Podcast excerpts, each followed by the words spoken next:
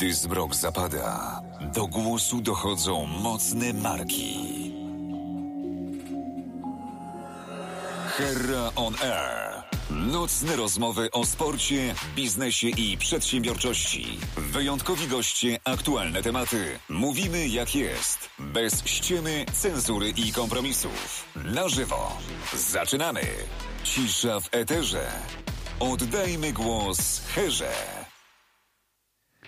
Dobry wieczór, witam bardzo serdecznie w tygodniu przedświątecznym, choć dla tych, którzy nas słuchają na podcaście, już jest pewnie tydzień poświąteczny, no bo w końcu to tak się często odbywa. I nie wiemy, być może nawet będziecie nas słuchali w jakimś letnim dniu, więc dzień dobry dla tych, którzy są na podcastach, a dobry wieczór dla tych, którzy są z nami na żywo. Dzisiaj będziemy rozmawiali o sporcie, bo gość jest taki, który zna się na sporcie, biznesie, bo gość zna się na biznesie i przedsiębiorczości, bo gość zna się na przedsiębiorczości, czyli będzie dokładnie tak jak z zapowiedzią Hera on Air, a zatem cisza w eterze, oddajmy głos gościowi.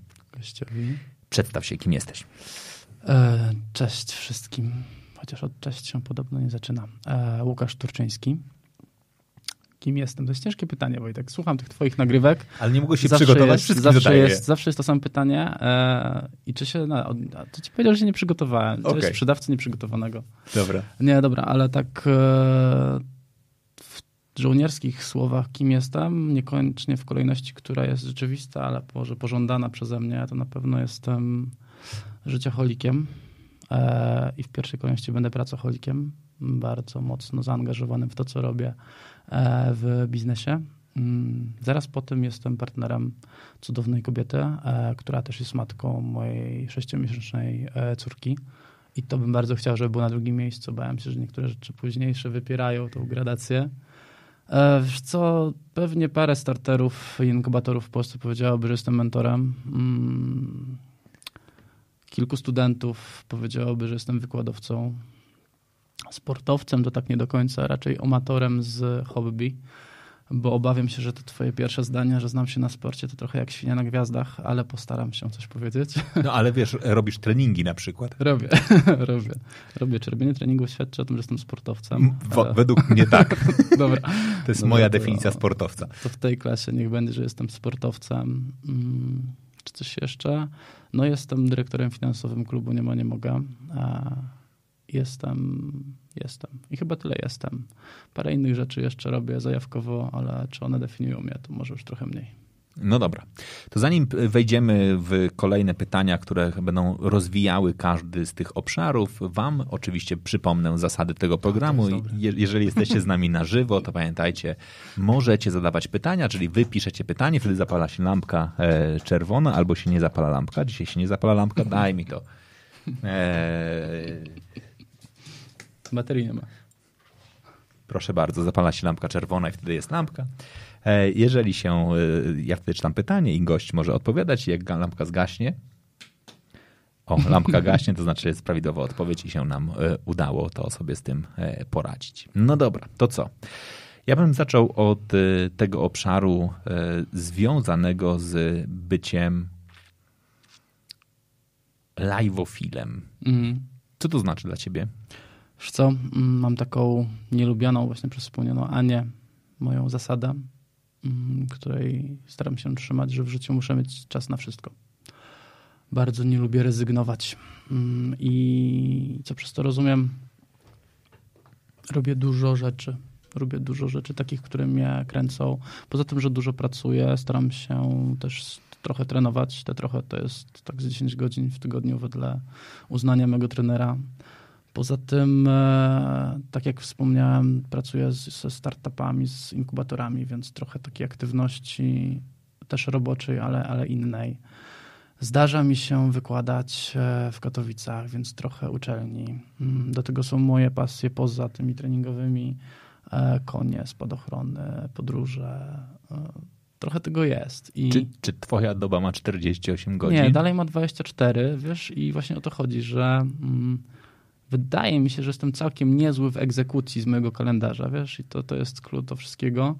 E, I ja cały czas dokładam czegoś nowego, bo też mam taką metodologię, że mm, mam swój bucket list, z którego schodzę Mm, Mam jeszcze trochę czasu, żeby niektóre rzeczy odhaczyć, ale wiem, że one będą też wymagały pewnego czasu i zaangażowania w tym kalendarzu, tylko że nie wyłączam tych poprzednich, ewentualnie dokładam, albo tak przetasowuję, żeby wpadła w to jakąś periodyzację. Ja na koniach nie byłem pewnie od roku, dwóch, co nie zmienia faktu, że dalej będę kontynuował w jakimś cyklu czasowym e, jazdę i, e, i, i rajdy, a dołożę coś innego i tak to sobie wy, wymieszam i, i dodaję. Nie? Staram się nabyć jak najwięcej umiejętności, które mnie kręcą na poziomie średnio dobrym i idę dalej. Okej, okay, no dobra. Zawodowo? A co dokładnie? Co robisz zawodowo? No bo ja wiem, ale widzowie nie, widzowie nie wiedzą. Co robię zawodowo? E, po pierwsze zarządzam zespołami sprzedażowymi mm, i to jest e, właśnie ciekawe, że pytasz, bo dopiero co dokładnie o tym mówiłem na, w ramach tego konkursu, o którym pewnie też pogadamy. E, ale no dobra, praca moja składa się z trzech fundamentów. Pierwszy właśnie to jest zarządzanie, zarządzanie mm, zasobami sprzedażowymi, moimi zespołami. Drugi to jest prowadzenie projektów e, międzydepartamentowych, e, czysto komercyjnych, e, sprzedażowych, aczkolwiek angażujących pozostałe departamenty w firmie. A trzecie to jest dalej samodzielna sprzedaż i negocjacje handlowe na poziomie odpowiadającym może po prostu mojemu zaszeregowaniu. I, i tak. Okej, okay, ale gdzie zarządzasz sprzedażą? No, mogę cię pytać, gdzie zarządzasz sprzedażą? Czy to będzie tak. tajemnicą, bo tak mówisz, że zarządzasz sprzedażą i się boję właśnie, czy ja mogę cię spytać, gdzie zarządzasz sprzedażą? To nie jest istotne z punktu widzenia sprzedawcy, co sprzedaje. Ale z perspektywy e... widza fajnie jest jednak, że ciebie gdzieś umiejscowić. Posadzać, dobra. Pracuję w Inpoście, mniej bądź bardziej znanej firmie polskiej, e, na pewno najbardziej rozpoznawaną przez swój korowy produkt, jakim są paczkomaty. To w ogóle ciekawe jest, wiesz, że, że, to się tak zmieniło, że jakby korowym produktem są paczkomaty, podczas gdy kiedyś korowym e, produktem były blaszki. Nie, nie, nie, do dziś nie rozumiem, po co wysyłaliście blaszki, blaszki wszystkim ludziom Jak kiedyś. Nie czy wszyscy dostawali blaszki i właściwie się zawsze zastanawiam, na czym ta firma zarabia, że rozdaje blaszki. Może na tym jest jakieś, jakaś zdrabka, że tam jest, wiesz... Ulubione zdanie, na czym zarabia e, klient. Wiesz co, e, może nie będziemy się cofać do przyczyn i podwalin tego, po co te blaszki się pojawiły, ale one e, dla ludzi w Polsce myślę, że są w pewien sposób synonimem mm, E, kreacji biznesowej. Znaczy, szukania te, pewnych e, tak. drzwi, może inaczej szukania okien, gdy drzwi są zamknięte. Takiego podejścia out of the box, które w firmie faktycznie jest mocno, mocno propagowane. I, I tak, to był ten początek. I dla mnie punkt wspólny jest między tymi blaszkami a paczkomotami. Jaki? Właśnie to out of the box. Podejście do biznesu w sposób nie do końca adekwatny do aktualnego stanu rzeczywistego mhm. i wykraczający trochę poza. Raczej na kreowanie przestrzeni, a nie na bycie responsywnym i, e, i czekanie, aż coś się wydarzy. Okej, okay. ty w Impoście za, za to odpowiadasz? No dobra, aktualnie odpowiadam za rynek Small and Medium e, Enterprise, czyli tak zwany long tail w Polsce. A poza tym odpowiadam również za strategicznych klientów międzynarodowych, czyli takich, które korowe biznesy nie znajdują się w Polsce, a które e, prowadzą działalność na terenie Polski. Czekaj, strategiczni klienci międzynarodowi. Tak, czyli mówimy o wszystkich przedsiębiorcach nieposiadających swego e, NIP-u polskiego w kontekście firmy macierzystej, czyli wszystkich niepola, nie, wszystkie niepolskie przedsiębiorstwa prowadzące działalność w Polsce. A, okej, okay, dobra. Czyli to nie jest tak, że ty jeździsz i zachęcasz firmy, które są w Unii Europejskiej i praktycznie mogłyby sprzedawać towary do Polski, ale mogliby je wysyłać dowolnym Trochę im pomagam w tym. Wiesz, to zależy, bo pamiętaj, że Impost też ma pozostałe rynki i mhm. jeżeli oni funkcjonują w naszym portfelu na tych innych rynkach, to rozmawiamy o Polsce i o tym, jakim ten rynek otworzyć. Dalej Polska jest piątym rynkiem mhm. komersowym w Europie, więc łatwo mi jest ich e, namówić do, do myślenia o new biznesie w Polsce. E, ale czy prowadzimy aktywny pozysk klientów totalnie nieobecnych? Nie, raczej tego e, portfela potencjalnych klientów jest wystarczająco dużo, żebyśmy na ten moment mieli co robić już z obecnymi. Okej, okay, dobra. Jak, będzie, jak, jak ty w ogóle widzisz y, przyszłość e-commerce'u? Znaczy, co będzie w przyszłości, jakby taką, wiesz, definiowało przewagi konkurencji? Prze... Słucham? Masz szklane kule? No nie, no nie mam, ale wiesz, no, siedzisz tym trochę. No, wiesz, wiele osób knuje, co tam się, wiesz, mhm. co, co tam się wydarzy w tym e-commerce. No. Już co, mm, może tak, nie sięgałbym dalej niż za 5 lat, mhm. bo rozwój technologii jest tak drastyczny na przestrzeni ostatnich 5, 10, 15 lat i to jest e, wzrost nieliniowy, e, że, że to by było zgadywanie. I tak te 5 lat to będzie zgadywanie, ale myślę, że mm, zdecydowanie idziemy w automatyzację, zdecydowanie idziemy w nielubiane profilowanie, ale ono jest e, no, strumieniem korowym w zmianie, moim zdaniem, z punktu widzenia biznesu. I te dwa procesy, czyli automatyzacja i wróć E, i profilowanie, profilowanie? Mhm. E, spowodują, że wszystkie pozostałe podprocesy będą musiały się zmodyfikować. Co przez to rozumiem i sposób zatrudniania pracowników i e, etaty, na których aktualnie pracujemy, będą reformowane i dostosowane do nowego środowiska. E, czy to spowoduje, idąc dalej tym wątkiem, dużo zwolnień? Myślę, że nie. Myślę, że po prostu e, przesuniemy trochę mm, zakres odpowiedzialności, zmodyfikujemy e, działania, ale i ponazywamy trochę rzeczy inaczej, ale dalej tyle osób pracuje, będzie pracować, bo e-commerce rośnie tak szybko, że nawet ta automatyzacja nie da sobie rady sama w sobie i ludzie będą zawsze potrzebni, po prostu zajmując się trochę inną, inną pracą. Okej. Okay. Na ile same day e, delivery jest faktycznie takim jakby e, realnym oczekiwaniem klienta, a na ile jest to coś, co... To jest realne oczekiwanie klienta. Znaczy, to, nie, to nie jest question mark. Jakby oczekiwania są skonstruowane w taki sposób, że instant gratification musi mhm. być już. Okay. I to same day to jest mały miki. Znaczy same day to już nie jest wyzwanie w kontekście tego, czy ono się pojawi, czy jak to dostarczyć, ale my tu mówimy już o rozwiązaniach e, za godzinę, mhm. za dwie, za trzy, za pięć maksymalnie. Nie?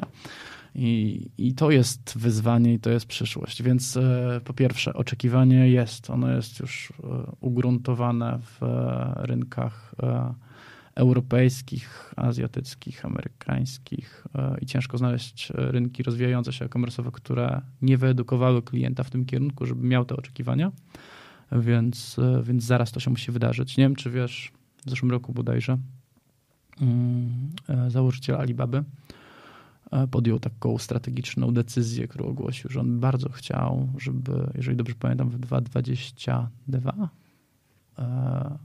cały świat mógł kupić na AliExpress przedmiot i otrzymać go bodajże w trzy dni. Mhm. I, I idą w tym kierunku i sobie z tym poradzą. Więc jeśli mówimy o tym, że ty będziesz w stanie dziś z Polski kupić przedmiot z Australii i dostać go za trzy dni, to same day na lokalnym rynku to nie jest, e, że tak powiem, fenomen wyczyn i e, coś niezwykłego. Wiesz, nawet e, z punktu widzenia impostu same day nie jest niczym niezwykłym, jeżeli spojrzymy na to, w jaki sposób obsługujemy teraz naszych klientów i co im dostarczamy, bo, bo mamy usługi typu fulfillment, które pozwalają otrzymać e-commerce'owi stok magazynowy u nas, złożone zamówienie, mm powiedzmy, że nie wiem, w niedzielę wieczorem będzie dostarczone ci w poniedziałek rano, najpóźniej po południu. E, I to nie jest same day, ale 24 godziny mhm. już jak najbardziej. Więc e, my już tutaj jesteśmy w tym świecie same day'a. Za chwilę, za chwilę będzie trzeba przyspieszyć i, i naprawdę będziemy się zastanowić logistycznie, jak ci dostarczyć e, towar kupiony po 3 godzinach. Okej, okay, ale czy to oznacza, że jest to kompletna e, rekonstrukcja trochę jakby modelu dystrybucyjnego na poziomie kurierki, czyli, czyli jakby odbiorca, sortownia, czy też hub, no. klient. No, któryś element musi być wyeliminowany. Musimy, skrócić, musimy czy, skrócić procesy. No nie coś, da się, coś trzeba wyeliminować. No. Oczywiście, że tak. Nie da się inaczej, ale są na to rozwiązania. Znaczy, pamiętam, pamiętaj, że to wszystko zależy od rozłożenia tego na czynniki pierwsze i dobrego zmapowania. Mhm. Bo na koniec dnia wybierz sobie sklep z branży fashion, który jest brick and mortar i ma trochę tych swoich sklepów postawionych w kraju, w takiej Warszawie będzie miał ich z 10. Dla mnie to jest potencjalnie 10 stanów magazynowych. Dokładnie tak.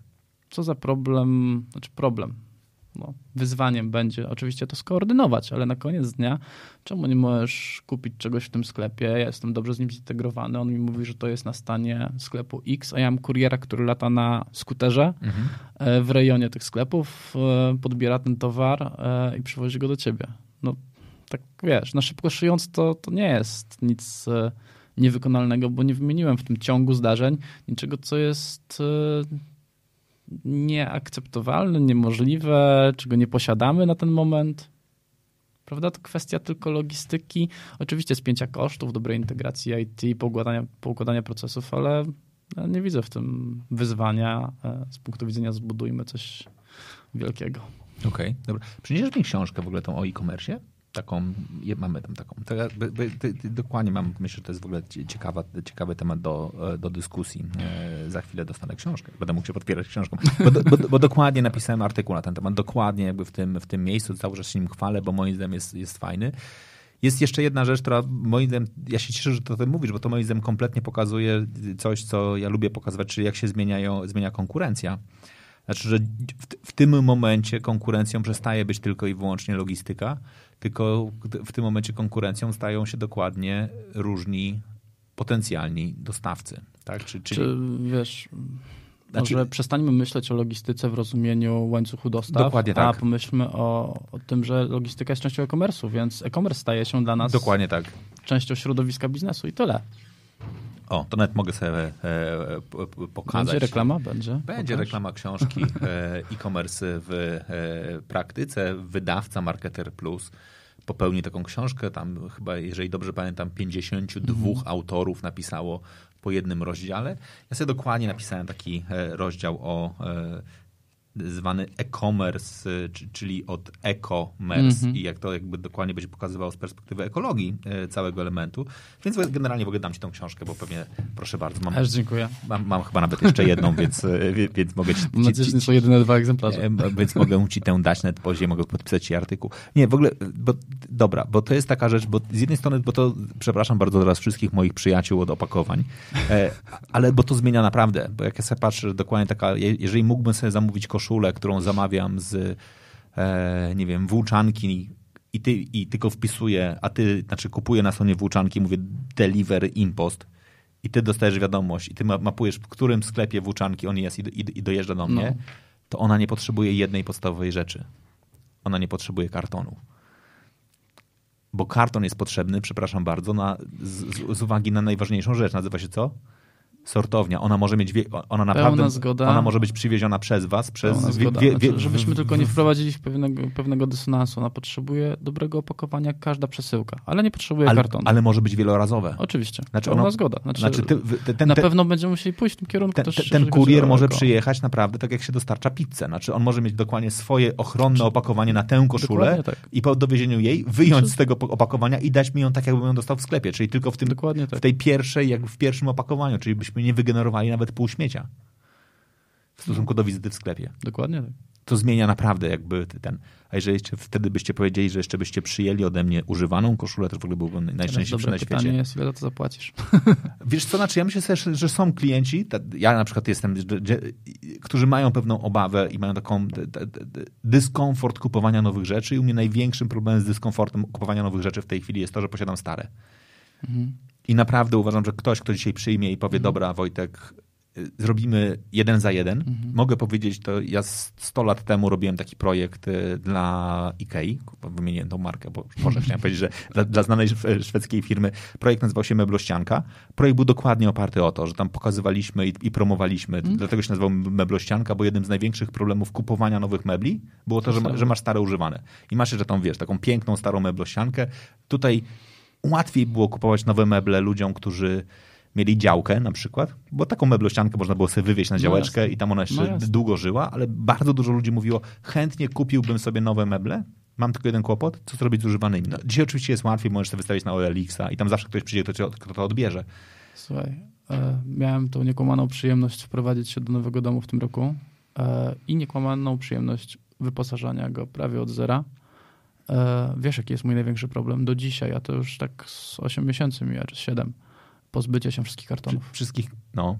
No dramat, dramat. Znaczy pół kotłowni jest w kartonach. Słuchaj, I, i e, Ania w wolnej chwili, e, gdy dzieciak śpi, no siedzi tam w tej kotłowni i te kartony składa, składa. słuchaj, e, żeby były w torbach, bo inaczej przecież nie przyjmą ode mnie tych kartonów nasi e, odbiorcy. łaskawcy odbiorcy, więc wiesz, pakowanie, wpakowanie, wpakowanie i dwa razy w miesiącu, jak odbierają papier, no to schodzi dwie, trzy torby i my tak dalej i dalej. No. Dramat To jest, to jest pewnie, jest tutaj kilka rzeczy, które się będą pojawiały. E, widzę, że ogląda nas na przykład e, kolega z branży motocyklowej. To jest w ogóle przepiękne. Znaczy, tam to jest taki moment, w którym zawsze będę mówił, znaczy w momencie, w którym potrzebujesz nowych rękawiczek, to najczęściej nie jest ten moment, kiedy o, za trzy tygodnie będę jeździł. Nie, to jest ten moment, kiedy właśnie świeci słońce i myślisz sobie, dobra, muszę za 15 minut wyjść i nagle okazuje się, że nie masz, nie, nie masz rękawiczek i nie będziesz czekał zbyt długo, żeby, e, żeby móc sobie pojechać e, dalej. No dobra, ale to jest e, ta część, ale ty powiedziałeś, że jesteś również mentorem w startupach. Staram się. Kto do ciebie przychodzi? Wiesz co, mm, to nie jest tak, że ktoś do mnie przychodzi. Współpracuję z, aktualnie zresztą z Gdańskim Inkubatorem Przedsiębiorczości i z nimi współpracuję od początku mojej kariery bycia mentorem, tak mhm. bym to powiedział. I chyba mam najdłuższą zażyłość.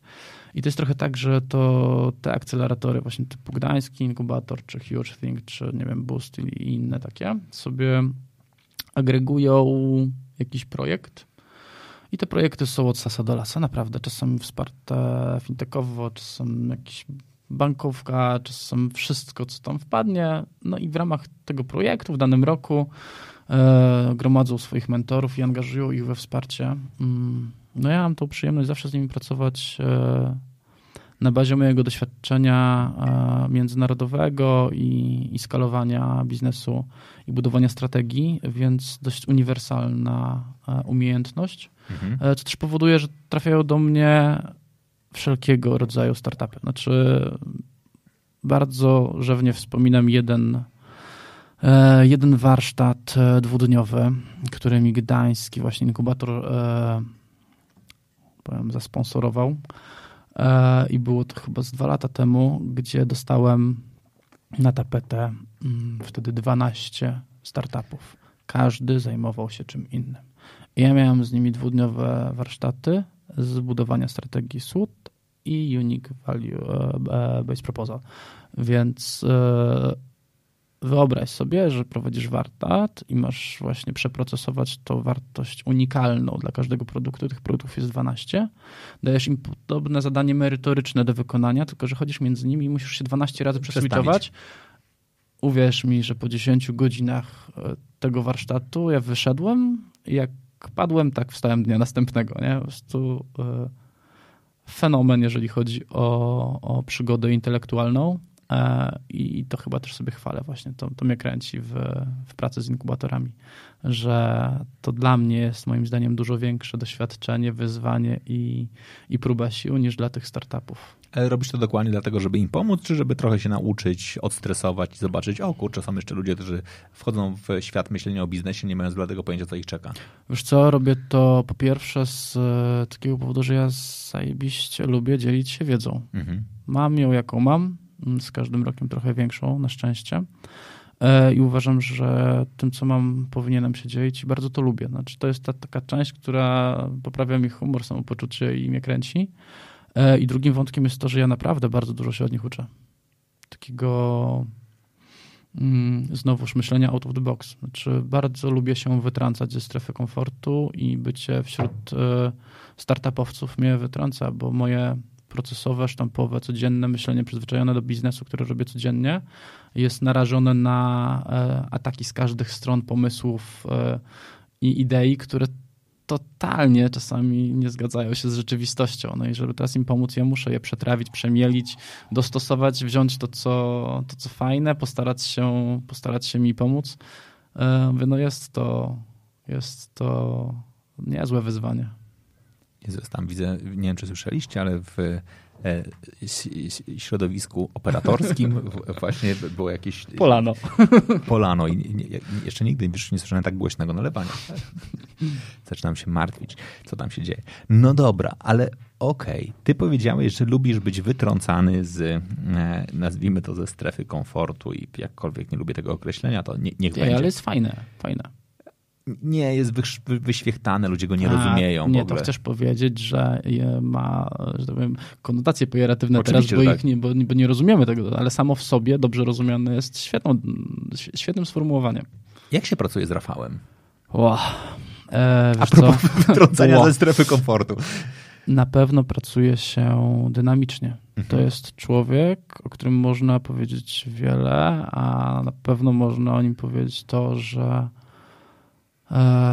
przymusza swoich pracowników do myślenia niesztampowego. Mhm. Znaczy, ja kiedyś chciałem zobrazować, jak dynamiczną jest e, firmą, firma InPost i do czego my jako osoby powiedzmy, że zarządzające tymi, tymi zasobami jesteśmy przymuszani przez Rafała, to, to powiedziałbym, że mm, potrafimy tankowcem zrobić zwrot przez sztak. I to tak nie gubiąc kontenerów. Okay. Serio. I to jest człowiek, który naprawdę w 5 minut potrafi ci nie tyle udowodnić, co e, mm, przymusić cię do własnego mm, takiego wewnętrznego przeświadczenia, że nie, że twoje podejście nie da się, niemożliwe, na za rok, nie wiem, terminy w ogóle na za miesiąc są terminami, nie, znaczy jutro, a czemu nie wczoraj, nie? Jakby tempo i to jest fajne. Znaczy Rafał jest na pewno wymagającym przełożonym z tego punktu widzenia, ale z drugiej strony, on już ponad 3 lata w tej firmie, e, to tak razy 3 mogę sobie mnożyć. Znaczy, się śmieję, do Impostu i w ogóle do Warszawy przyjechałem z Trójmiasta, dlatego że w ówczesnej pracy trochę mi było nudno. I sobie myślałem, kurde, znalazłem taką robotę, która codziennie zarzuca mi takiego, wiesz, e, lekkiego bodźca, co mi się nie nudził. To jak dostałem, to ci powiem, przelewa mi się. Nie? Na pewno się nie nudzę. Okej, okay, dobra, ale to, to, znaczy to jest prawda, no, trochę sobie obserwuję tą, tę waszą firmę I to jest prawda. Znaczy, ja myślę, że wy, jeżeli byśmy sobie posługiwali się językiem e, startupowym, czyli robienie raz na jakiś czas pivota, e, to, to wy naprawdę go robicie, tylko że dokładnie różnica polega na tym, trochę inaczej się robi pivot, jak masz organizację, która jest dokładnie małą, jak trzymając się jakby nomenklaturą żeglarską, małą omegą, czy też nawet jakimś tam bączkiem, czy czymkolwiek tak. innym, a optymistem, a czym innym, jak dokładnie lecisz sobie po prostu wielkim tankowcem i mówisz, dobra, okej, okay, zawracamy natychmiast. to nie w tą stronę. Ale, ale dlaczego? Taka była nasza strategia, to była wczorajsza strategia. Dokładnie tak. Może z dzisiejszego poranka. Już wiesz, jesteśmy na popołudniu, po lunchu i świat wygląda inaczej. No, to jest niesamowite. Ale, ale z drugiej strony, kurczę, to jest w ogóle bardzo ciekawe ten moment, kiedy sobie na koniec dnia myślisz, kurczę, miał rację, nie? Tak. Zdecydowanie. E, zdecydowanie e, muszę przyznać, że tych sytuacji, w których Rafał się myli, jest zdecydowanie mniej niż w tych, w których ma rację, zwłaszcza jeżeli chodzi o decyzje, właśnie takie, mm, nie powiem, że na czuja, bo to było trochę zgadywanie, ale w tych, w których on e, ma to wewnętrzne, to swoje wewnętrzne przeświadczenie, że nasze podejście regularne, tak bym je nazwał, jest nieprawidłowe. No, to jest w ogóle jakby nie, no nie, no jest, jest po prostu takim absolutnie, pewnie nie, za jakiś czas będziemy mówili, że absolutnym wizjonerem, game changerem i facetem, który jakby faktycznie wywalił do góry nogami całe, e, całe myślenie jakby o, o, o dokładnie o tym, że się nie da, albo że w biznesie to trzeba robić 174 badania, żeby podjąć decyzję. Nie. nie. Ale to też jest tak, że te 174 badania można robić tylko po, po decyzji, po to, żeby się upewnić, że właściwie to, to, to tak. nic, nic nam nie zagraża. Znaczy, żeby też nie y, u słuchaczy nie wyrobić przeświadczenia, że, że InPost jedzie na ryzyku. Bo, bo to nie o to chodzi. Chodzi też, to, to chodzi o to bardziej, że mm, te dane, które są niezbędne do podjęcia decyzji, e, jeżeli jesteś ograny w biznesie i tak naprawdę dobrze go znasz, nie są wcale tak szerokie, jakby się na początku mogło wydawać, żeby się poczuć bezpiecznie. No i właśnie wszystko się rozbija tak naprawdę o poczucie bezpieczeństwa. E, I, i to wychodzenie z tej strefy komfortu, e, o której wspominaliśmy, jest tą umiejętnością dobrego definiowania minimum bezpieczeństwa. Okej, okay, dobra. A to jest ciekawe w ogóle, co, co powiedziałeś. E, jak pracujesz ze startupami, ludzie mają takie potrzeby bezpieczeństwa? Każdy ma potrzeby bezpieczeństwa. No dobra, no, ale nie no, znaczy- czekaj. Jak zakładasz, jak zakładasz biznes, to masz jakby ją daleko przesuniętą, no. E, a tu się nie zgodzę. Moim zdaniem oni mają dużo bardziej e, wykształconą potrzebę, bo ich lęki są niezabezpieczone. Okay. Bo my wszyscy, tak jak mówię, mamy tą potrzebę wkodowaną i teraz jak jesteś startupowcem, to masz dużo większe wyzwanie przed sobą, bo właśnie twoje lęki związane z poczuciem bezpieczeństwa są totalnie niezabezpieczone. Znaczy, ty nie wiesz, co będzie jutro, pojutrze, jakie finansowanie, jestem na swoim, trzeba się utrzymać, czasami rodzinę i tak dalej, i tak dalej, no to twój poziom bezpieczeństwa jest zerowy i teraz to nie chodzi o to, że ty go nie masz, tylko że on jest niezabezpieczony. Znaczy oni tak samo potrzebują czuć się bezpiecznie, Ale ale godzą się na to Okej. ryzyko, świadomie bardziej bądź mniej, że tego bezpieczeństwa nie mają. Okej. I na, pewnie nawet całkiem dobrze uczą się z tym funkcjonować, po czym po pewnym czasie się okazuje, że to bezpieczeństwo jest znacznie większe niż gdziekolwiek indziej. No właśnie, na przykład. Bo tak, nagle odkrywasz, że masz coś takiego jak wewnętrzne poczucie kontroli, które, które ci pomaga. to prawda. No dobra, jeżeli wy będziecie mieli jakiekolwiek pytania w trakcie, to was oczywiście tradycyjnie zachęcam do tego, żeby je e, zadawać, a ja bym chciał wrócić albo nawet zagadnąć chyba po raz pierwszy o twoje wyróżnienie e, Polish National Sales Awards, czyli PNSA. No. Co cię skłoniło w ogóle do tego, żeby wystartować? No właśnie, wiesz co? Mm.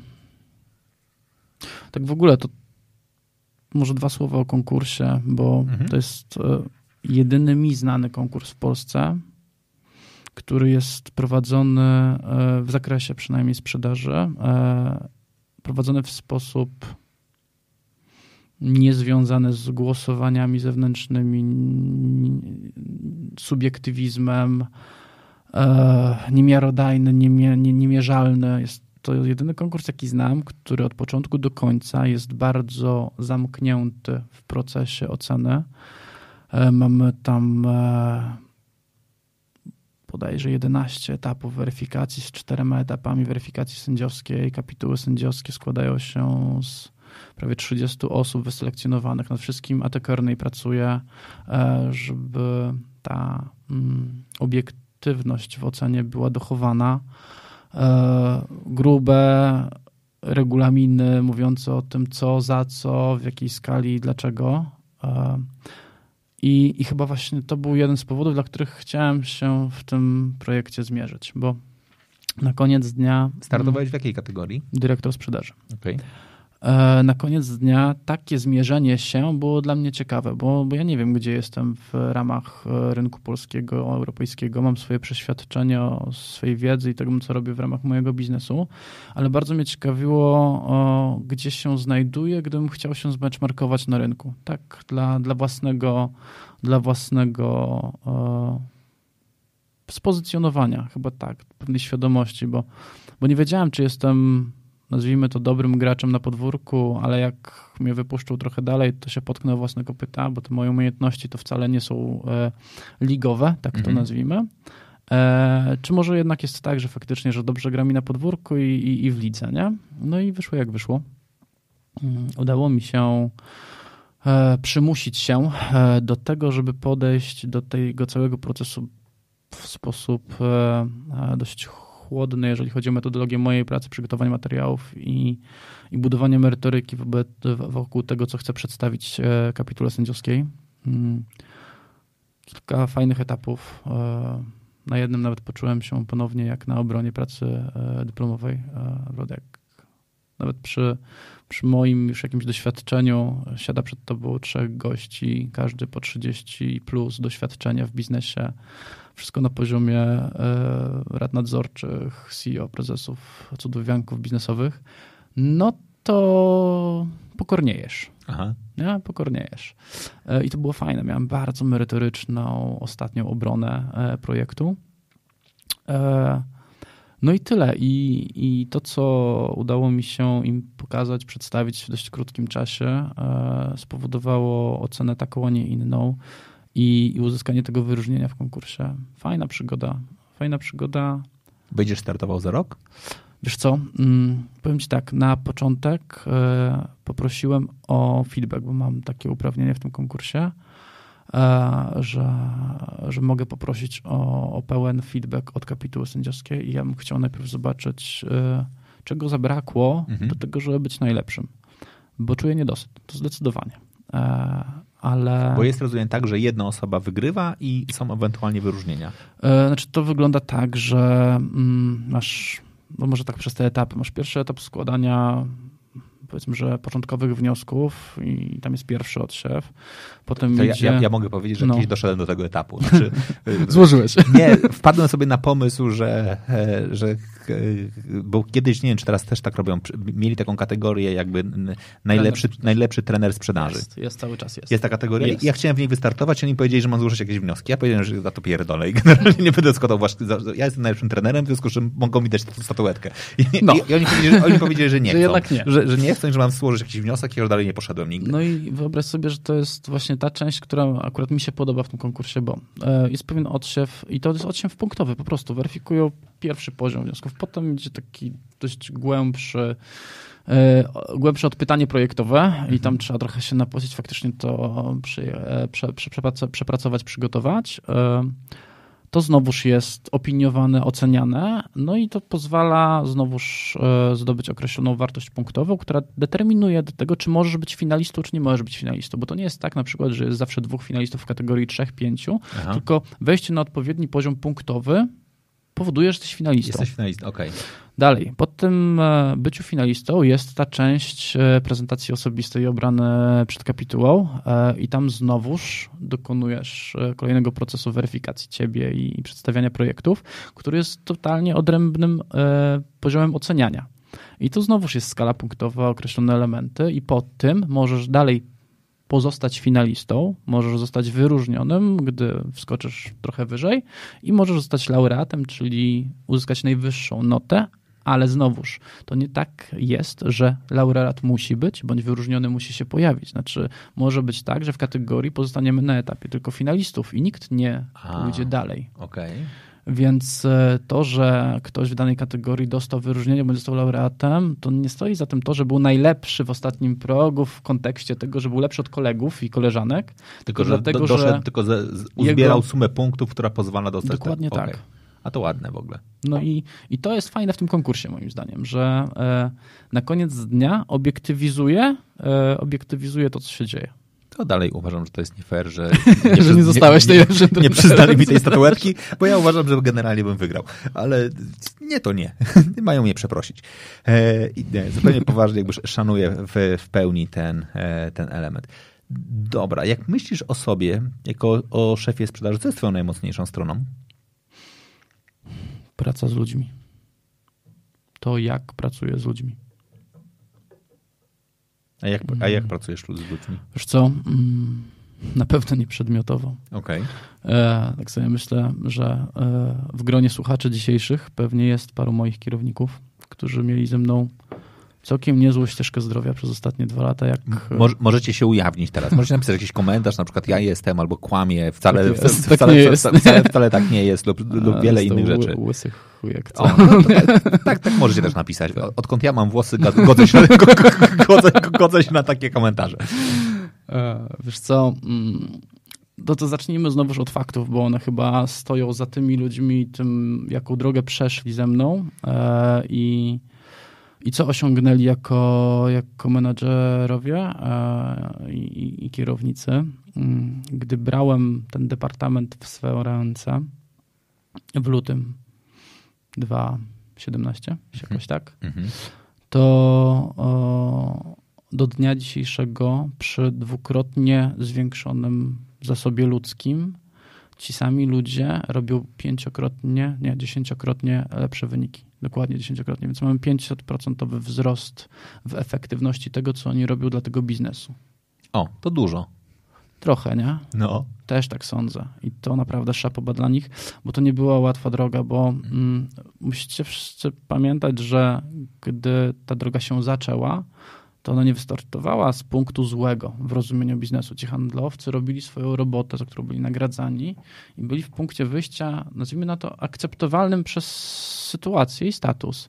I teraz e, ile trzeba pracy wykonać na poziomie mojej pracy z tymi ludźmi i ich pracy z ich ludźmi, żeby ten sam handlowiec po dwóch latach zwiększył swoją efektywność o 500% e, i na koniec dlaczego miał to zrobić?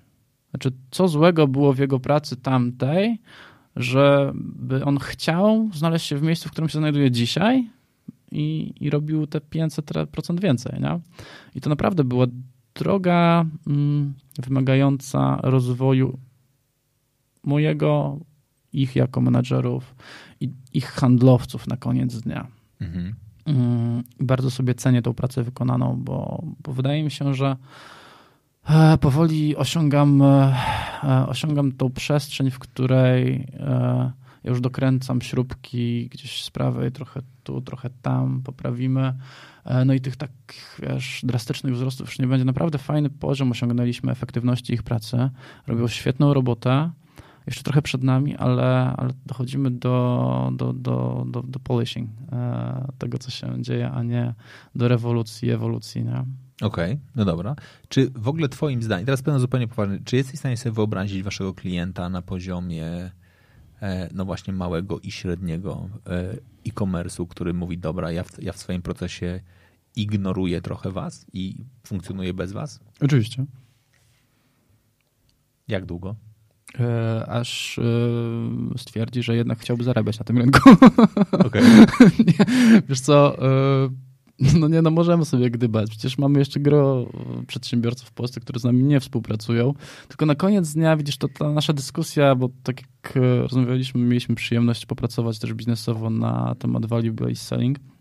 To nie jest kwestia tego, czy dany e-commerce chce z nami współpracować jako z nami, z Impostem, z paczkomatami. To jest kwestia tego, znowuż, na czym on zarabia i czego potrzebują jego klienci. Okay, czyli, czyli czy on chce obsługiwać klientów, którzy chcą pracować z wami? Dokładnie tak, no bo na koniec dnia to, to klient rządzi, rządzi jego biznesem, nie my. E, a tak e, jest skonstruowany nasz produkt, że akurat fajnie się wpisuje w potrzeby klienta, co powoduje jednoznaczną potrzebę posiadania nas w swoim portfelu dostawców logistycznych, jeśli chcesz spełniać oczekiwania klienta. Okej. Okay.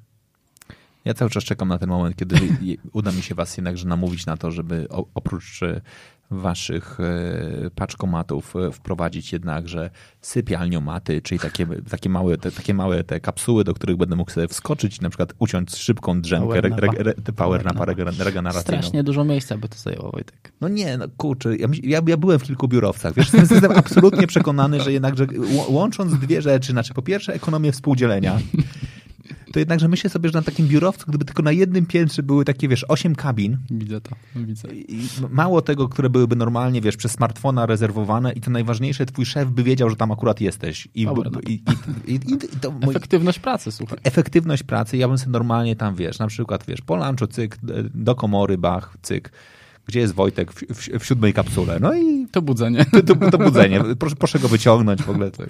Moim zdaniem tam byście jeszcze tego by, miałby możliwość na przykład jeszcze naładowania komóreczki, jakbym sobie drzemał. To moim zdaniem byłoby naprawdę genialne.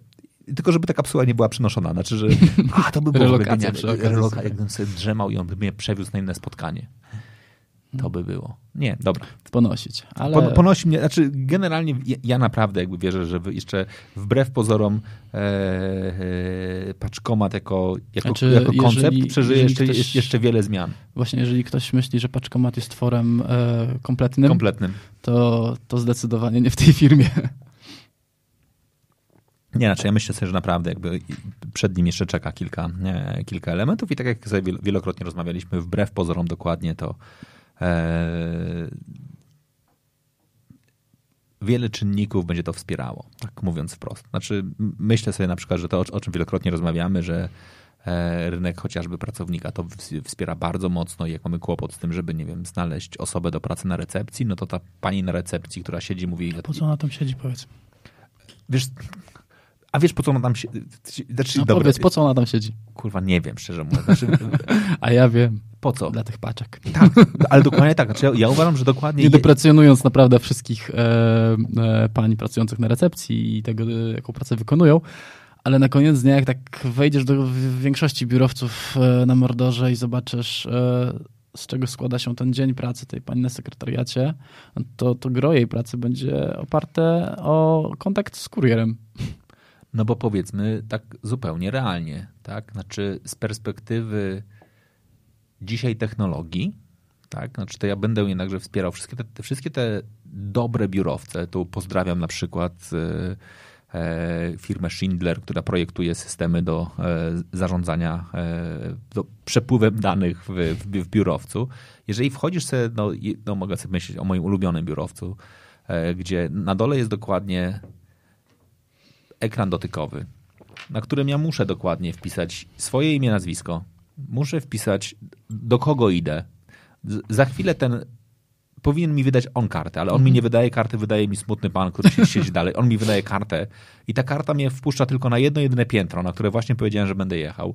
A ten system powiadomił już gościa, do którego ja jadę, więc ja wchodzę, on już jest na miejscu. Tak? No bo on już dostał powiadomienie, że, że ja do niego jadę. Mało tego, ostatnio byłem, w, i to było, to było cudowne doświadczenie, bo byłem u klienta, gdzie akurat nie było tego systemu, wszedłem na recepcję, na recepcji stała kartka, tam emergency, -hmm. numer nie, nie ma, musiałam wyjść, w ogóle coś się wydarzyło, nieważne. Nie było, nie było pani na recepcji.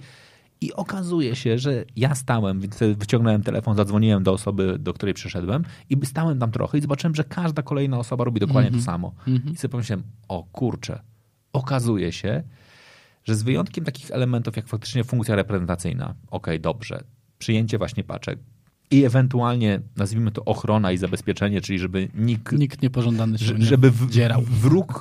Nie, no to powiedzmy jeszcze, wszystkie rzeczy można zautomatyzować, tak? Pewnie. Jeśli chodzi o wybór osoby, to jest, jed, to jest jedna tablica dotykowa, tak? Klik, Pewnie. klik, klik, masz, poza tym tą tablicę dotykową masz w swoim telefonie, wroga możemy zrobić po prostu jedną szybką kamerą, która będzie nawet lepsza niż ta, niż ta pani i, patrz, nie, ale wiesz, i, i, na, koniec dnia, na koniec dnia do biura ciężko jest wejść niezapowiedzianym. Znaczy wyobrażam sobie, że na no, również na tym tablecie będzie opcja osoby nie jestem umówiona, nie chcę się dostać. Tak.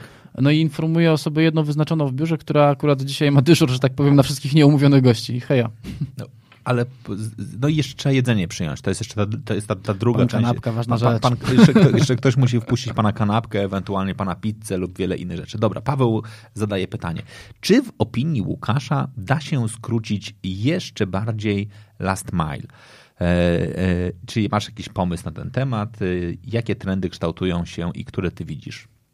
No dobra, o tym już trochę porozmawialiśmy, o tym, czy, czy e, same day i i instant gratification to jest ten kierunek, w którym zmierzamy. Tak, e, czy się da, to wiemy, że się da. Jak, to mogę tylko uchylić właśnie takiego rąbka już nawet nie ideowego, typu właśnie sklepy, o których mówiliśmy, a bardziej dawaj, dawaj, z codzienności. Ja ci, Paweł, jeszcze przypomnę, tę książkę możesz zanabyć u, w, w Marketer Plus. Marketer mnie pokocha za to.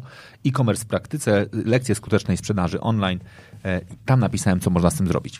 Dobra, i, i, wracając do wątku, z punktu widzenia e, operatora logistycznego, no to najłatwiej nam e, skracać poprzez budowanie takich podproduktów, produktów głównych jak fulfillment e, i trzymanie stoków magazynowych naszych klientów u nas, rozwój sieci i oddziałów, no bo im bliżej jesteśmy z oddziałem do klienta, tym szybciej do niego dotrzemy. Potem to jest tylko i wyłącznie zarządzanie logistyką, e, i powiedzmy aktywne mapowanie tego, co się dzieje na drogach z naszymi e, lineholami Hmm.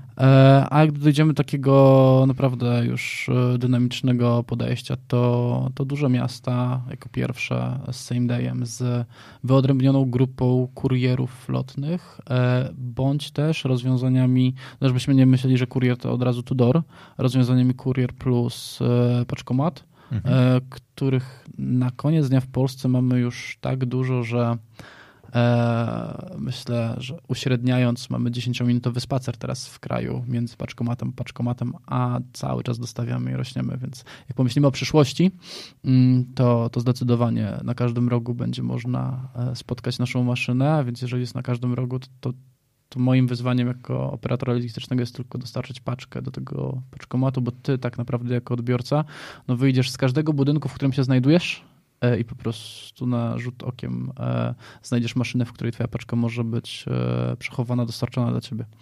Więc no to tak na szybko, parę pomysłów, jak skrócić. No, czy to nie tyle pomysł, co, co realizacja. Fakt, realizacja i to się dzieje. Nie? No, ja myślę sobie, że to jeszcze jest kilka, e, kilka rzeczy, które się będą tutaj pojawiały i oczywiście, e, dobra, a teraz zupełnie poważnie.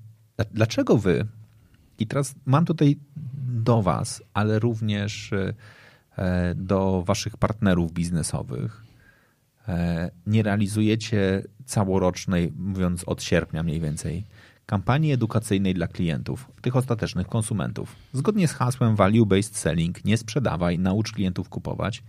kiedy ich nie napieprzacie informacjami wakacji, znaczy prezenty świąteczne postaraj się dostarczyć w listopadzie, żebyś w listopadzie nie pisał na Facebooku, że znowu wszystkie firmy kurierskie nie dają rady. No kuźwa, no nie dają rady. No bo... zgodzę się, że nie edukujemy. Znaczy, to już nie a, ten a, po, czas. a pokaż mi kampanię. Pokaż mi kampanię, która poszła w, w dowolnych mediach konsumencką pod tytułem. W której za, rę, za ręce trzymają Chcesz, się... nie wiem, ATL-a i nie wiem, w telewizji, czy No. może wróć do naszych maili statusowych, które dostajesz od mniej więcej dwóch miesięcy, które mówią o tym, co się będzie działo, jak powinien się zachować jako nasz klient. Ja mówię dokładnie o tym, o, o kampanii, czyli wy, za rękę, nie wiem, z waszymi głównymi marketplace'ami, czyli na przykład z ty, tymi, y, dobra, no, z różnymi marketplace'ami w Polsce albo z innymi. A myślisz, na ten moment, takie pytanie podchwytliwe, e, myślisz, że dzisiejszy e-commerce w rozumieniu naszych partnerów widzi korzyść w tym, że nazwę to kolokwialnie rozmasujemy pik? Moim zdaniem tak. Znaczy, czy widzi? Nie wiem, powinien widzieć. A, no dobra, a ja pytam, czy widzi? Nie. No właśnie. Naprawdę wasi partnerzy jakby cieszą się trochę tym pikiem jakby świątecznym, ale z czego, co to chodzi o co, o co właściwie?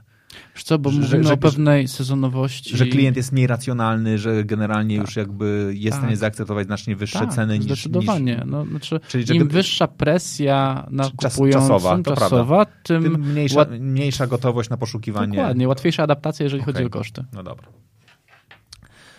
Eee, no. I, I wiesz, i, i mówiąc wprost, bo znowuż my tu mówimy o podejściu biznesowo-partnerskim Dobra. i o zrozumieniu, a, a realia są takie, jakie są, więc to my jako operatorzy logistyczni y, odpowiadamy za to, żeby pomimo okresu świątecznego dostarczyć na czas, więc e-tailer ma oczekiwania wobec nas dostarczenia tego na czas, a nie tego, żebyśmy zarządzili tym, żebyśmy nie musieli się mierzyć z ilością. Ale ja myślę sobie także o radości konsumencji. E, o tym, żeby No, oni byli, to- żeby oni tu, byli Wojtek, uśmiechnięci. No to jesteśmy zgodni i, i wiemy, że tak e, byłoby najlepiej. Ale myślę, że to jeszcze trochę drogi e, w naszym polskim biznesie i dojrzałości takiej, jeżeli chodzi o prowadzenie klienta, a nie wykorzystanie. Mhm. Ta lojalizacja, mm, ogóle lifetime customer value, czyli taka, takie podejście, które wbrew pozorom e, nie jest dość znane na polskim Mhm. rynku. Jeszcze trochę. Ale wiesz, no bo jak, jak mówisz dokładnie w ogóle lifetime customer value, no to to jest trochę taki temat, który e, ja dzisiaj już chyba przestałem się kłócić, e, bo już nie mam na to nawet siły chyba, ale ponieważ e, jesteś nawet w takim klubie e, sportowym, w którym jest człowiek z motoryzacji jeden. Jak dużo robiłem konsultingów w branży motoryzacyjnej, dzisiaj pewnie to też wynika z tego, że tego konsultingu robię mniej, to było jedno z pierwszych pytań, które zadawałem zawsze dealerom, to jest po- pokaż mi pełny zysk na kliencie w czasie. Znaczy il, pokaż mi dokładnie konsumenta i ile na nim zarobiłeś, One by one shot. ile na nim zarobiłeś w ciągu ostatnich 10 lat. I niestety ludzie umieli mi podać marżę na transakcji Mhm. I marża na transakcji nie ma w ogóle problemu. Jasne. Marża na, marża, A ile razy wrócił? Jak często? ile razy Co wrócił, zrobił? jak często, jak, jakie dodatkowe działania, co zrobił. polecił? I, i, czy, masz czy masz zmapowane rekomendacje, ile osób od niego z rekomendacji No, przyszło i tak dalej, i tak dalej. I mimo tego, że większość CRM-ów daje to, te, tę możliwość, no bo to jest jakby bardzo proste, no to to już y, nie. Transakcyjność, koniec jakby i, i tyle.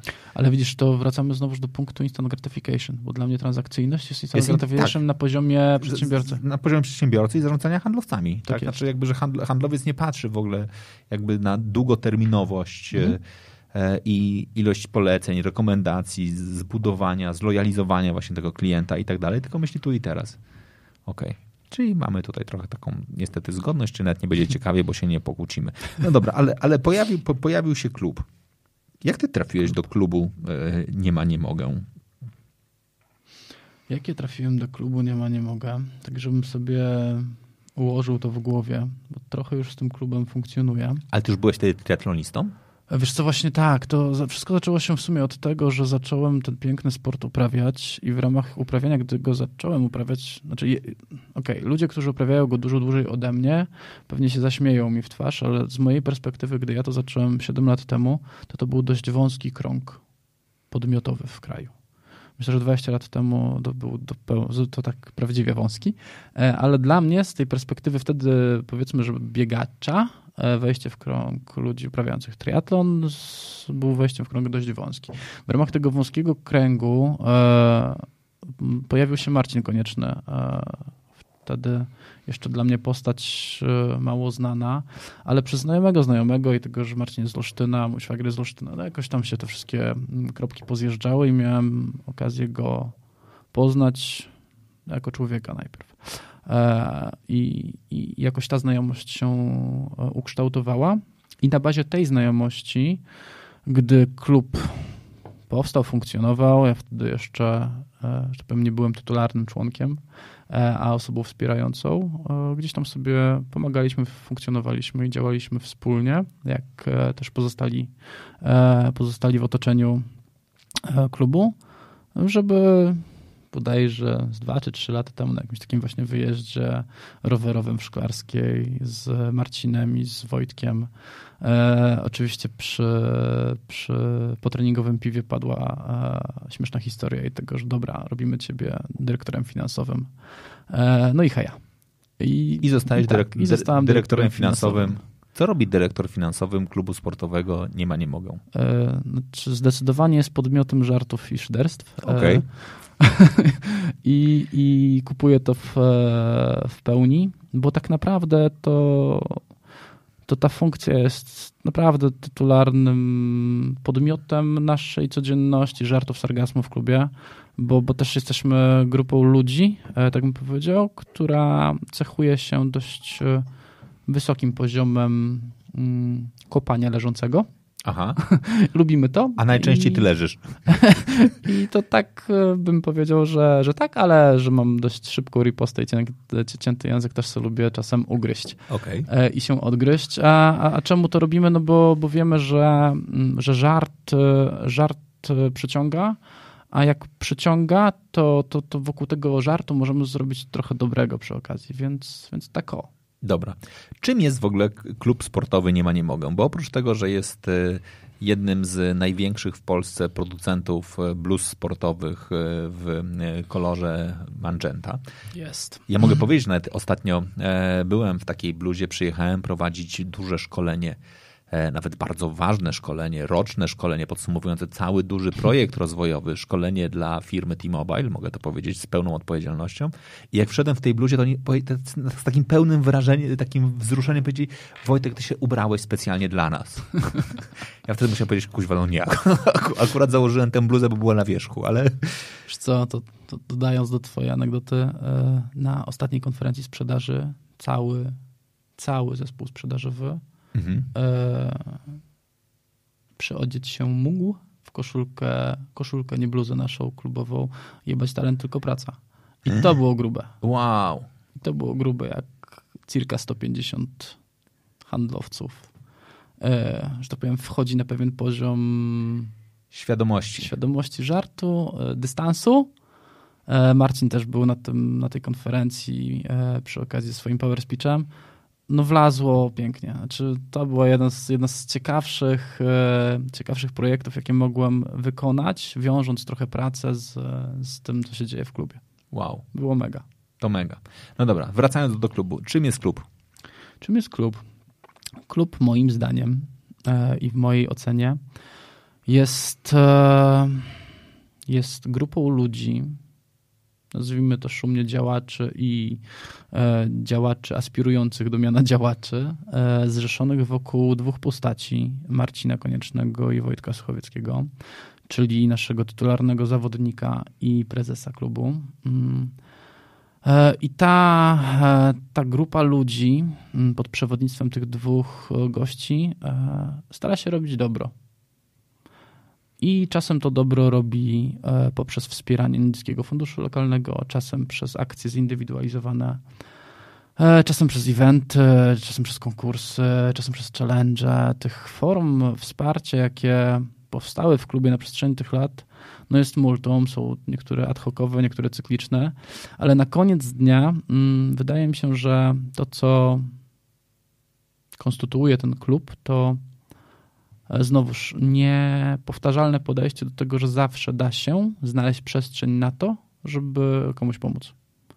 I e, niektórzy znajdą tej przestrzeni więcej. E, mówię tu o Marcinie i o Wojtku, którzy robią naprawdę kupę dobrej roboty e, codziennie, a inni trochę mniej, którzy dołączają w ramach właśnie działaczy i, i aspirujących do tego, żeby od akcji do akcji tą cegiełkę gdzieś tam dołożyć. No i cegiełka do cegiełki, gdy pomnożysz to przez miesiące, lata, robi fajną robotę. Okej, okay, no dobra, ale wiesz, w klubach sportowych z reguły są zawodnicy. Ile, ile, Jeden wystarczy. Il, ilu wasz klub sportowy ma, ma zawodników? Jednego dobrego, aczkolwiek yy, no to se nie, nie mogę sobie nie kopnąć, bo nasz czołowy zawodnik mistrz świata Ironman yy, osiągnął ten tytuł no, z, tak, że powiem, 2017, jeśli mnie pamięć nie myli. Mamy 2,19 i poza piękną życiówką w maratonie, no Marcin jakby ja mam, mam zastrzeżenia co do efektów sportowych naszego zawodnika w klubie, e, ale zapowiedział, że, że wraca, wraca z wysokiego, e, z wysokim, z wysokim cech, chce chyba w przyszłym sezonie e, powalczyć, więc liczę na to, że, że znowu zawodnik poza tytularnym zawodnikiem zacznie przynosić efekty, bo te efekty muszą się przełożyć na sponsorów i nagrody, które muszą trafić do prezesa, które ja muszę rozliczyć. No musimy wokół czegoś biegać, tak jakby pustych przebiegów nie ma. W klubie zawodnik musi zarobić na to, co się dzieje. I to jest moim zdaniem, ja ponieważ siedzę trochę w polskim sporcie, chciałbym tutaj pokazać, że to jest absolutnie wzoro, wzorowo zbudowany e, polski klub sportowy, w którym jest jeden zawodnik, e, mnóstwo działaczy i całkiem sporo zamieszania. Tak, myślę, że jesteśmy w tym całkiem e, dobrzy, powtarzalni i efektywni. Co się musi wydarzyć, żeby na przykład został powołany drugi zawodnik? Nie przewidujemy tego w regulaminie klubu. nie wiesz co? Mm, nie wiem. Nie wiem. To by trzeba było prezesa zapytać, czy on w ogóle widzi przestrzeń taką e, w ramach struktur. E, z Wicem pewnie by się, z Kamilem by się musiał naradzić. E, no wiesz co, jeśli nasz czołowy zawodnik przestanie dowozić wyniki... Pytam trochę... To, różnie bywa. Znaczy, nie powiem, czy będzie drugi zawodnik, ale może podmiot się zmieni. A, czyli to jest możliwe.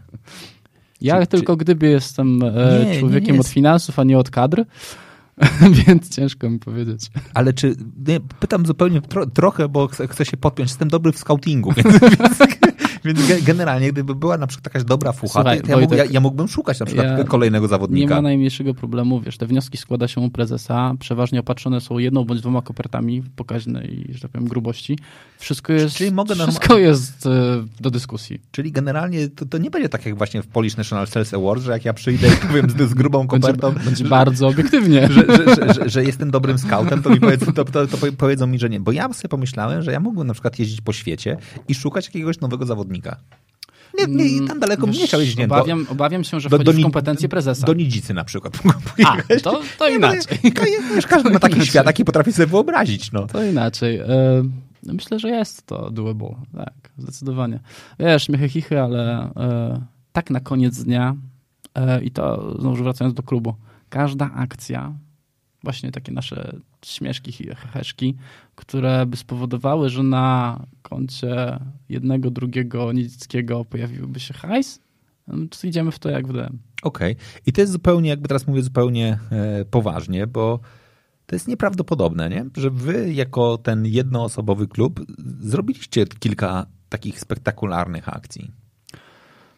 Czy spektakularnych? Wiesz co, e, znowuż pytanie, gdzie miarę przykładasz. E, myślę, że tak, no parę fajnych akcji jest. E, mnie chyba najbardziej cieszy pewna cykliczność mhm. tego, co się dzieje, że to nie jest od przypadku do przypadku, znaczy to nie jest tak, że my działamy znowuż ad hocowo, tylko no mamy takie punkty w kalendarzu rocznym, jak buratlon, jak duatlon, jak świąteczne wstanie od stołu na jedne święta, na drugie święta, e, które no po prostu się wydarzają, są zapisane i, i które zrzeszają coraz większą grupę e, chętnych uczestników. No i tam te złotówki faktycznie idą. Mamy tripost korespondencyjny, żeby znowuż zahaczyć naszych kolegów triatlonistów zimą. No, jest trochę tego e, powtarzalnego. Oczywiście poza tym są działania dodatkowe, e, gdy jest jakaś nagła potrzeba. E, jest teraz akcja wózka dla Kamila Dlawice. E, no, reagujemy. Znaczy, znowuż, ja nie chcę sobie przepisywać tego w żaden sposób, bo to jest tak, że, że to Marcin z Wojtkiem reagują, a my za tą reakcją idziemy jako, jako, jako członkowie tego klubu. Tak bym to przedstawiał. No dobra. Jaka akcja na, e, na święta? Bo jesteśmy jeszcze cały czas w okresie przedświątecznym. E, no, Co... wstanie od stołu, wstanie od stołu, bo to będzie coś, czego nie lubię, że trzeba pobiegać. Ja nie, albo ja, porowerować, ja nie albo lubię, ja, ja, ja, W ogóle wyjdziemy na to słowo, które ciężko ci przychodzi przez gardło, ono się nazywa trening. Nie, a ja, ja, widziałem, ja, ja, ja widziałem kiedyś. Nie, nie, Definicję? Nie, nie podobało mi się. Dobra, akcja, akcja, akcja animacja jest, jest prosta. Mm, mamy Mamy jedne święta, drugie święta, e, bożonarodzeniowe się zbliżają. W całej zabawie chodzi o to, żeby, żeby wyjść sprzed tego, spod tego stołu, już nawet nie przy, tylko pod, większość już nas siedzi pod tych sutych posiłkach i się ruszyć. I za to ruszenie się, za jednostki treningowe wrzucone na, na stronę przygotowaną przez, przez Artneo, e, zbieramy treningi, kilometry, to co przebyliśmy w ramach tych dwóch dni świąt. No i zakład z Beko i z jeszcze jednym sponsorem jest taki, że jeżeli pobijemy zeszłoroczny wynik, to kładą fajny hajs. To jest ponad 7 koła e, e, i więcej na akurat tą celową akcję wózka dla Kamila. Jeśli nie pobijemy zeszłorocznego wyniku, no to zapłacą 10% tego, więc dalej jest win-win situation, ale, ale na koniec dnia e, jest też ten element, który, który jest fajny, nie dostajemy tego za dara. Znaczy Beko jest tutaj tym sponsorem głównym i jasno stawia warunki więcej niż rok temu. Znaczy albo się ruszycie e, więcej, albo znajdziecie więcej ludzi, którzy ruszą dupy i, i zrobią te treningi w święta. No i no i tak, bierzemy to na klatę i, i hej, i zaraz będzie coraz więcej Ile trzeba? Spamu. umiesz powiedzieć z pamięci, jaki był zeszłoroczny wynik? Tak Nie w, pamiętam. W kilometrach? Dużo, w, dziesiątki w, tysięcy już. Dziesiątki tysięcy kilometrów? No, to jest tak jak w, jak, jak w głosowaniu. Mój kilometr nie ma znaczenia. W takim razie już przy tej ilości znowu wiesz co ma? czuję się rozgrzeszony, ma, nie muszę ma, biegać. Ma, ale wiesz co, w zeszłym roku była fajna akcja chyba ekipy Bydgoszcz, Bydgoszcz Triathlon. Umówili się na trening tam w 20 czy w 30 hopa. Mhm. No słuchaj, jednym strzałem treningowym zrobili nam, no bo to jednostka osobowa razy kilometraż i heja. I jeszcze pewnie poszli na rower i zrobili. Rozumiesz. Można? Można. Można. No wiesz, no bo nie ma, nie mogę. No, jakby no tak, tak, tak mówi ten klub e, sportowy, że tutaj e, nie ma, nie mogę. Ty startujesz coś jeszcze? Coś startuje. Nie, bo nie, nie zupełnie powiem, czy no, coś tam, czy, ty, czy ty, ale, ale startujesz po to, żeby startować, czy masz jakieś na przykład ambitne cele startowe na przyszły Wiesz rok? co, no właśnie trochę mi się w tym roku zmieniło. Może inaczej, sam, sam się zmęczyłem swoim podejściem po tym sezonie. A jakie miałeś podejście w tym sezonie? E, takie jak co roku, że przygotuję się sam, pobiję swoje życiówki i, i, i będzie super. Mm. E, ja w ogóle tak mam, że akurat triatlon jest dla mnie bardzo indywidualnym sportem. Mm, nie trenuję na ustawkach, nie biegam z ludźmi, nie jeżdżę w ustawkach szosowych, na lasa nie pływam sam, więc y, moje podejście od tych tam siedmiu lat zawsze było takie, że do treningu też podchodzę sam. Okay. I przynosiło to efekty mniejsze bądź y, większe. Jak to zawodnik lubi mi wypomnieć, biegam raczej bliżej Nordic Walkingu niż biegania. E, więc nie, czasy... Nie, nie, nie, czasy, chyba jeszcze nie widziałeś Nordic Walkingu. więc te czasy były, jakie były, czasem, e, które sprawiały mi radość i, i fan. E, I, I, pewnie jakieś 2 3 lata temu, kiedy na połówce Ironmana no, zrobiłem te 5.30, kiedy Calaka zrobiłem poniżej 12 godzin w debiucie, to były takie momenty, które mówię, a cholera, fajnie, nie? No. no to więcej, to szybciej, a nagle potem rok, drugi, trzeci, ja bez progresu jestem. No i niby dalej się tym bawię, dalej ten trening daje mi to, co lubię. E, no ale gdy przychodzi do rozliczenia tej przepracowanej e, zimy i tego, tego roku, no to stoję w miejscu.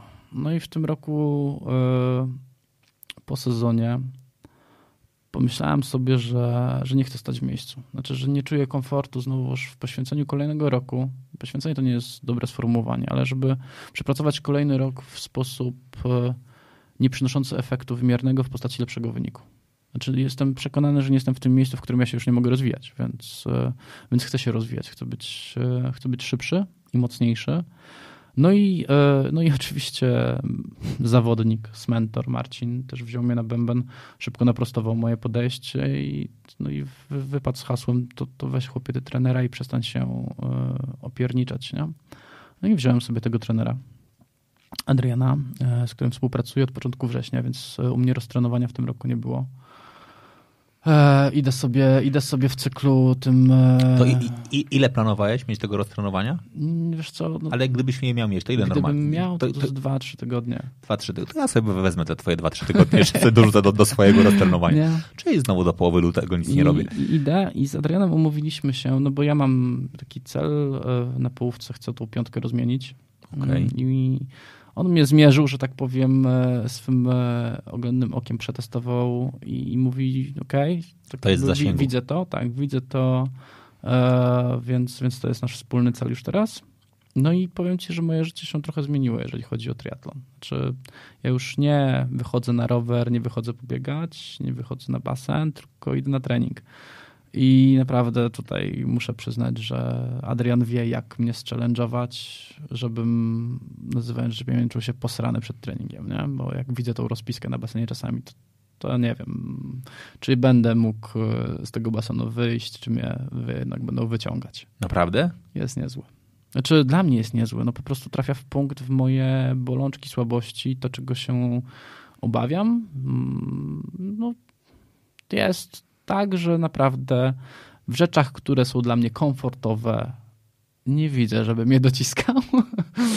A tam, gdzie czuję się tak, wiesz, nie do końca, zwłaszcza basen, który dla mnie, ja zawsze pływałem e, i uważam, że sporo pływałem, ale pływałem jak rekreacyjnie. Nigdy nikt mnie nie uczył pływać. Jestem samoukiem totalnym. E, I Adrian jest pierwszą osobą, która z punktu widzenia trenera na mnie patrzyła na basenie i cieszę się, że nie zaśmiał mi się w twarz, nie? I tam jest wyzwanie, jak ja widzę jednostki, wiesz, nie wiem, jutro rano zaczynam od 400 metrów zmiennym i ja już tak jakby te 400 metrów zmiennym widzę, widzę, nie? widzę, że będzie ciężko. E, Ale z drugiej strony po tych 3-4 miesiącach pracy z nim też e, cenię sobie te treningi. Znaczy ja widzę, że je robię, nie przeginam. Znaczy jeszcze nie znalazła się jednostka, której nie wykonałem na koniec dnia, więc daje mi bardzo dużo satysfakcji. No w takiej formie, w jakiej jestem, nie byłem jeszcze, a ja jestem na początku tego sezonu. Znaczy, znaczy jakby ja sam jestem ciekaw tego, gdzie będę, gdzie będę w maju, czerwcu. Jeśli nic nie spierniczę po drodze, to będzie naprawdę fajny rok dla mnie. Wow. Ja kiedyś byłem w sytuacji, w której też się bałem, patrząc na rozpisany trening, jak miałem być trenować na warszawiance i było napisane na, na rozgrzewkę y, zielona, niebieska, zielona, niebieska, żółta zje, zjeżdżalnie I, ba, i bałem się, że akurat strefa zjeżdżalni będzie, będzie, będzie, będzie na przykład zajęta i ja wtedy, ja wtedy nie będę mógł zrobić swojego, swojego treningu pły- pły- pływackiego na zjeżdżalniach i wtedy będę po prostu w kropce i na przykład będę musiał, nie daj Bóg, pójść pływać i to, i to, i to będzie po No. prostu kompletnie bez sensu, bo mi to zepsuje cały dzień. Wiem jak jest. 400 zmiennym na początek. No, okej. I wiesz, to jest zabawne, bo jestem przekonany, że co po niektórzy tam słuchacze, czy tam ci, co będą słuchiwać pływacy, no jak się nie obsmarkali, No. słysząc to, to, to ich, nie? E, a znowuż punkt widzenia od wysokości siedzenia i, i serio, nie? Jak widziałem te pierwsze jednostki treningowe, to mam świadków na to. Potrafiłem przez trzy dni patrzeć na ten trening, który mnie czeka i wiesz, adaptować się do tego, że będę musiał go wykonać. Lubisz trenażer? Bardzo. Wiesz co, ja jestem tym ciężkim przypadkiem, który potrafi się zamknąć na 5 godzin w pomieszczeniu i zrobić długi rower na trenażerze. Naprawdę? Tak. I I co, nie mam z tym- i, I co wtedy robisz? E, Jeśli jest to możliwe, to pewnie włączy jakiś film. Znaczy teraz jest to możliwe. Miałem takie sytuacje, w których nie było to możliwe i pamiętam trening u, u mamy, jak się przygotowałem do Colaka, gdzie jedną przestrzenią, gdzie mogłem kręcić, to był garaż, więc przez te 5 godzin patrzyłem w drzwi garażu. Mhm. A, a tak naprawdę to siedziałem w głowie. Znaczy dla mnie ten e, Mhm. trening jest miejscem, gdzie ja bardzo dużo rzeczy sobie układam, procesuję i prywatnych, i służbowych. Czy to jest zdecydowanie e, ten poziom wysiłku, no bo te długie wysiłki przeważnie są robione w tlenie, mm, czyli w takim e, wysiłku wydolnościowym, który pozwala ci jeszcze myśleć, co do zasady. Jeśli jest robione to dobrze. E, Więc ja wtedy tak układam sobie wszystko, co mam sobie poukładać i wychodzę z takiego treningu podwójnie, podwójnie zarobiony, bo raz, że fizycznie, dwa, mam przepracowane tematy. Bardzo dużo e, projektów e, biznesowych poukładałem sobie na treningu. Okej, ale to jest tak, że faktycznie, nie wiem, zapisujesz sobie, robisz notatki, nie wiem, czy w trakcie treningu mówisz, co? dzwonię nagle do kogoś, nie, muszę, muszę mu to powiedzieć, Jezus Nie, nie, nie. Znaczy łapię się na tym, że to, co mi wpadło do głowy w pierwszej godzinie, już w piątej nie istnieje, nie? No. ale e, na szczęście tych treningów tak długich już nie mam. Teraz to 2-3 godziny max, ale wracając, nie zapisuję, choć powinienem, ale zaraz po treningu, no to ja też jestem takim instant e, doerem, nie odkładam, więc jak coś tam szło, to, to idzie laptop i, i jedziemy z tematem, nie? Nieźle. Jednostka treningowa w piciu wina, e, to jak to będzie? E, Pisze Sebastian. Ja bym ci powiedział, Sebastianie, to nazywa się alkoholizm, ta jednostka, jednostka treningowa. Zwłaszcza, że jest powtarzalne. Jeżeli jest dokładnie powtarzalna i, i, robiona rytmicznie, no jakby to, to jest jakby, można się oszukiwać, Mm. że wino to nie alkohol, ale No jednak nie, jest, no jakby. Znaczy, wiesz, to też jest fajne, fajne, nie fajne. Znaczy, może nie tyle alkohol, co mm, cały aspekt y, żywieniowy, bo jestem fanem foodu jako takiego, lubię gotować, lubię jeść dobre rzeczy. E, A trening pozwala mi jeść wszystko. Znaczy, mój poziom zapotrzebowania kalorycznego jest na takim fajnym poziomie, że mogę spokojnie i na pizzę, i na dobry makaron, i hamuksa. I pewnie Marcin by się tutaj zaśmiał, który jest na cukier detoksie i faktycznie wygląda sportowo. E, Ja tak sportowo nie wyglądam, ale z drugiej strony mm, mam ten balans e, dietowy, który pozwala mi naprawdę nieźle, nieźle sobie poużywać w restauracjach. Ja jakiegoś moralniaka to nie mam za wielkiego. Okej. To jest e, tak. e, e, Marcin wygląda sportowo, ale w tej kategorii sportowej Atletów. Atletów, tak. Znaczy jakby to jest, to, to, to już absolutnie jest bardzo, bardzo, bardzo dalekie od sportu amatorskiego. No zresztą pewnie, co by, co by nie mówić, jest po prostu stuprocentowym profesjonalistą. No, jakby, Dokładnie tak. i, i, I tam w ogóle generalnie jakby tutaj w- mówienie o nim w jakiejkolwiek sferze profesjonalny amator jest, e, jest nie, nieuzasadnione. Tam na, należy, należy mówić wprost e, profesjonalny profesjonalista. Koniec. Tak jest. I to jest jakby coś, co, e, co się e, dzieje. No dobra. Spadochron. Hmm. Powiedziałeś na początku, że i jakby ty, ponieważ, Jezu, jeżeli kiedykolwiek ten podcast będzie słuchany przez mojego e, trenera skoków, to on mnie to znaczy zastrzeli mnie, nie? Bo, bo, bo, bo, bo, bo, bo, przyznaję się, że to jest projekt, którego nie domknąłem. To jest To znaczy? szuflada, która jest cały czas otwarta. I kurs Accelerate Free Fall, który został rozpoczęty przeze mnie, został ukończony. E, I jeszcze muszę tam wrócić. Znaczy, mam za sobą kilka fajnych skoków.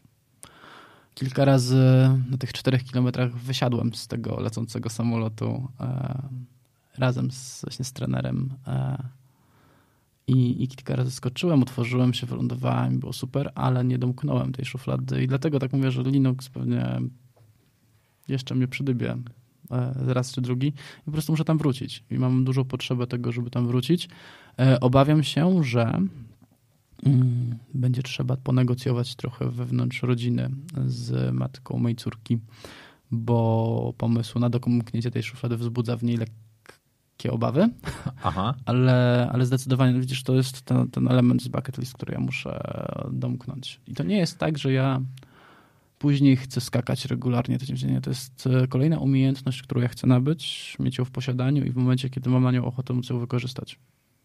A jest coś e, niebywałego w momencie, w którym e, nawet z trenerem u boku ty wysiadasz z tego samolotu, który tak fajnie zwalnia w pewnym momencie, otwierają się te drzwi. No i nikt cię nie wyciągnie na siłę. Znaczy, musisz wziąć te swoje cztery litery przysłowiowe, stanąć w tym progu, wykonać procedurę, wyskoczyć, kumać, co się wokół ciebie dzieje, wykonać ćwiczenia po drodze, e, otworzyć się w dobrym momencie, wiedzieć, jak zareagować, gdy coś się dzieje nie tak. Potem sobie trochę nad tym skrzydle mm, polatać, i zlądować. Naprawdę robi robotę. Ale ty masz e, duże zapotrzebowanie na ryzyko, stymulację, jakkolwiek byśmy to nie, nie nazywali. Nie, znaczy uważam, że skoki ze spadochronem nie są ryzykowne. Ale są stymulujące. Zdecydowanie. E, Wiesz co, czy mam dużą potrzebę stymulacji? Mam dużą potrzebę mm, posiadania nowych umiejętności. E, I one będą. Czekaj, czekaj, nie, dobra, nie. ale czekaj, ale to jest absolutnie nieprzydatna umiejętność. Ale czemu ona ma być przydatna? Okej, dobra. Znaczy, wiesz, no, kiedyś rozmawialiśmy chyba w ramach VBS-a o, o, e, o efekcie kuli śnieżnej Mhm. i zbieraniu kompetencji, umiejętności. Ja Jestem tego typu człowiekiem, który mm, myślę, że mogę spokojnie powiedzieć, że czego się nie dotknie, dość szybko wejdzie na poziom średnio dobry. Okej. Nigdy zaje... Znaczy ja Znaczy, nie jestem... się, bo ja znam, nie jestem takich takie osoby. ja nie jestem w niczym, moim zdaniem, zajebisty. Aha. Ale jestem w zajebiście dużej ilości rzeczy średnio dobry. I ten wachlarz umiejętności pozwala mi dość szybko adaptować kolejne i kolejne i kolejne. I to jest napędzające. Znaczy, wiesz, no kurde, głupia decha. E, Na nartach się nauczyłem jeździć może z 5-6 lat temu. W zeszłym roku stwierdziłem, kurwa, spróbuję deski. Kiedyś na deskorolce miałem jakiś epizod, będzie łatwo. No i dwie godziny i heja. E, I jedziemy dalej z tym koksem. Tak jakby już mogę sobie pozjeżdżać sam. Umiejętności jakie są, takie są, ale nie jest to coś, co wytrąca mnie z równowagi, nie? E, Konie, mm, zajebiście techniczna e, umiejętność, no szybko się ogarnąłem. Miesiąc, dwa poszły galopy i pierwsze skoki, więc tak jakby to tak działa, nie? I spadochrony mają w sobie coś, co mnie interesuje, bo mm, przymuszają mnie do bardzo mocnego skupienia się. Znaczy, przy tej ilości czynności, które ja wykonuję, mm, interesują mnie też takie, które zmuszają mnie do sfokusowania się dość mocnego. E, I e, może to wydać się śmieszne, ale na drugim czy trzecim skoku byłem bardzo ciekawy, jak moje tętno się zachowuje, e, gdy ja skaczę. Mhm. Wziąłem ten swój zegarek sportowy, odpaliłem, zaczął mi mierzyć. Moje tętno nie zmieniło się prawie wcale. Przez cały okres tego, że się wznosiliśmy, ja wyskakiwałem, otwierałem się, lądowałem. Bo e, co do zasady nie wyskakujesz z samolotu, jeżeli nie jesteś skupiony na tym, co się dzieje, bo się po prostu zabijesz. Znaczy to się samo nic za ciebie nie wydarzy, tam się znajdują ludzie, którzy potrafią się skoncentrować wystarczająco mocno, żeby zarządzić swoją przestrzenią i się nie zabić. No i to mnie w tym kręci, nie? Abstrahując od tego, że free fall 13 metrów na sekundę no, prędkość robi robotę, nie? To tak trochę jak z jazdą na rowerze, jak czujesz, że noga podaje i zaczynasz określone prędkości osiągać, taki czujesz się e, wolny? No, ja lubię Tak. ten moment, jak przekraczam 12 na godzinę. jak czujesz, noga podaje, jadę Ale pod, pod, twoje- pod te- te 13. twoje, Te- wiesz, te- te bocz- kółeczka boczne, boczne boczne kółka. gubić Ja, wtedy, ja lubię ten moment, jak się boczne kół- kółka zaczynają podnosić trochę. To jest, to, jest, to, to jest ta sytuacja, w której, e, w której się, się, się ten... Dobra, 13, met- naprawdę to się leci 13 na sekundę? Mhm. Ja pierdzielę. Znaczy, jeżeli widzisz na jakimkolwiek filmie, że oni tam gadają, nie? Znaczy, to, to, to, jest, No. to jest piękne. No fucking way. Like, jedyne sygnały, które tam do ciebie docierają, to są wizualne i tak też się komunikujesz z trenerem. E, nie ma w ogóle opcji. Sorry, nie? Znaczy, Ale powietrze zatka cię, że tak powiem, wystarczająco mocno, żebyś nie był w stanie e, choćby wy, wyartykułować czegoś normalnie, to już o komunikacji werbalnej, że coś do ciebie doleci i ty to usłyszysz i have fun, nie?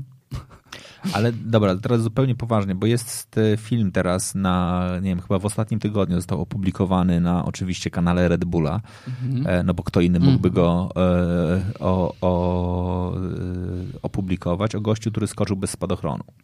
E, oczywiście z partnerem, który go tam w trakcie chwycił i w ogóle, i w ogóle. Mhm. I oczywiście on jest kręcony, wiesz, jak to zwykle bywa z boku i przez wszystkich i jest puszczony, rozumiem, trochę w zwolnionym tempie po to, żeby ludzie ogarnęli, co tam, co tam się wydarzyło.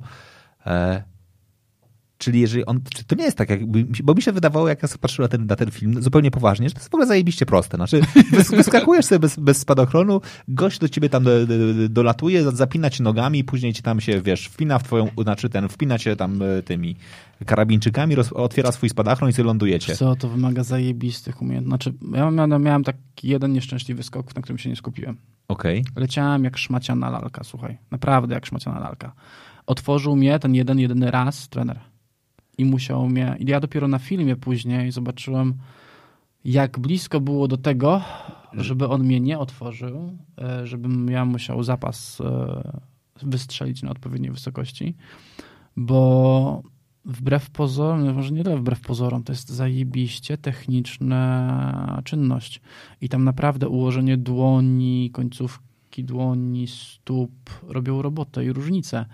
I, I to, o czym mówisz, to jak ten gościu go złapał, mhm. ogarnął, to jest naprawdę zajebiście wysoki poziom kompetencji.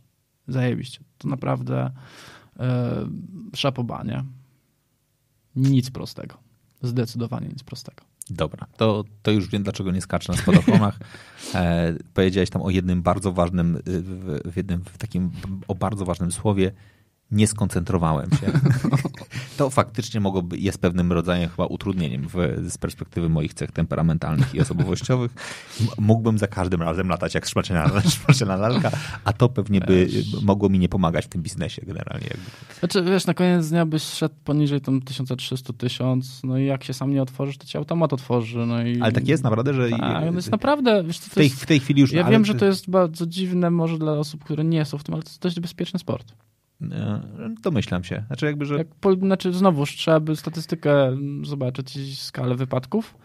E, to naprawdę mm, dużo gorzej się dzieje nie w momencie, kiedy ty się nie otwierasz sam, tylko gdy coś się dzieje z czaszą spadochronu, w momencie, gdy się otworzyłeś nieprawidłowo, czyli zła okay. pozycja w złym momencie, zostało to, nie daj Bóg, źle złożone.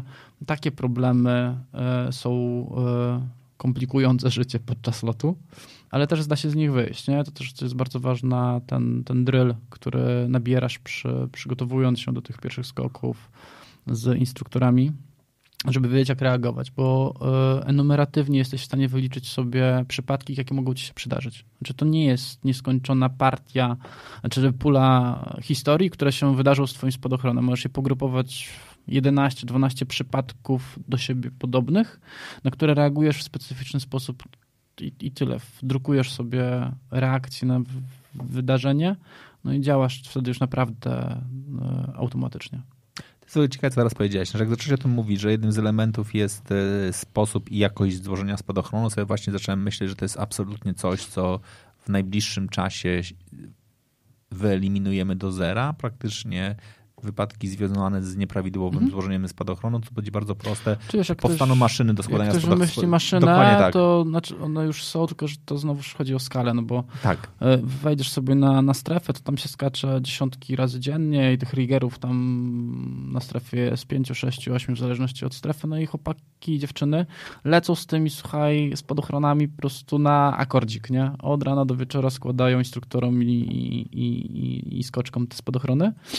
E, ale tak, automatyzacja tego procesu zdecydowanie. Mam ci więcej. Poznałem takiego instruktora, który powiedział, że on bardzo lubi być oblatywaczem. No bo żeby dostać e, papier na rigera, no to musisz poskładać ten spadochron, ale ktoś musi kurwa z nim wyskoczyć, nie? Po raz pierwszy.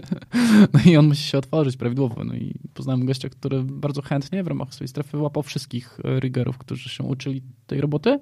No i w świecie skakał z tym spadochronem no i oblatywał. Okej, okay, czyli sprawdzał, czy generalnie gość, który się uczy składać, czy po prostu... Się nauczył.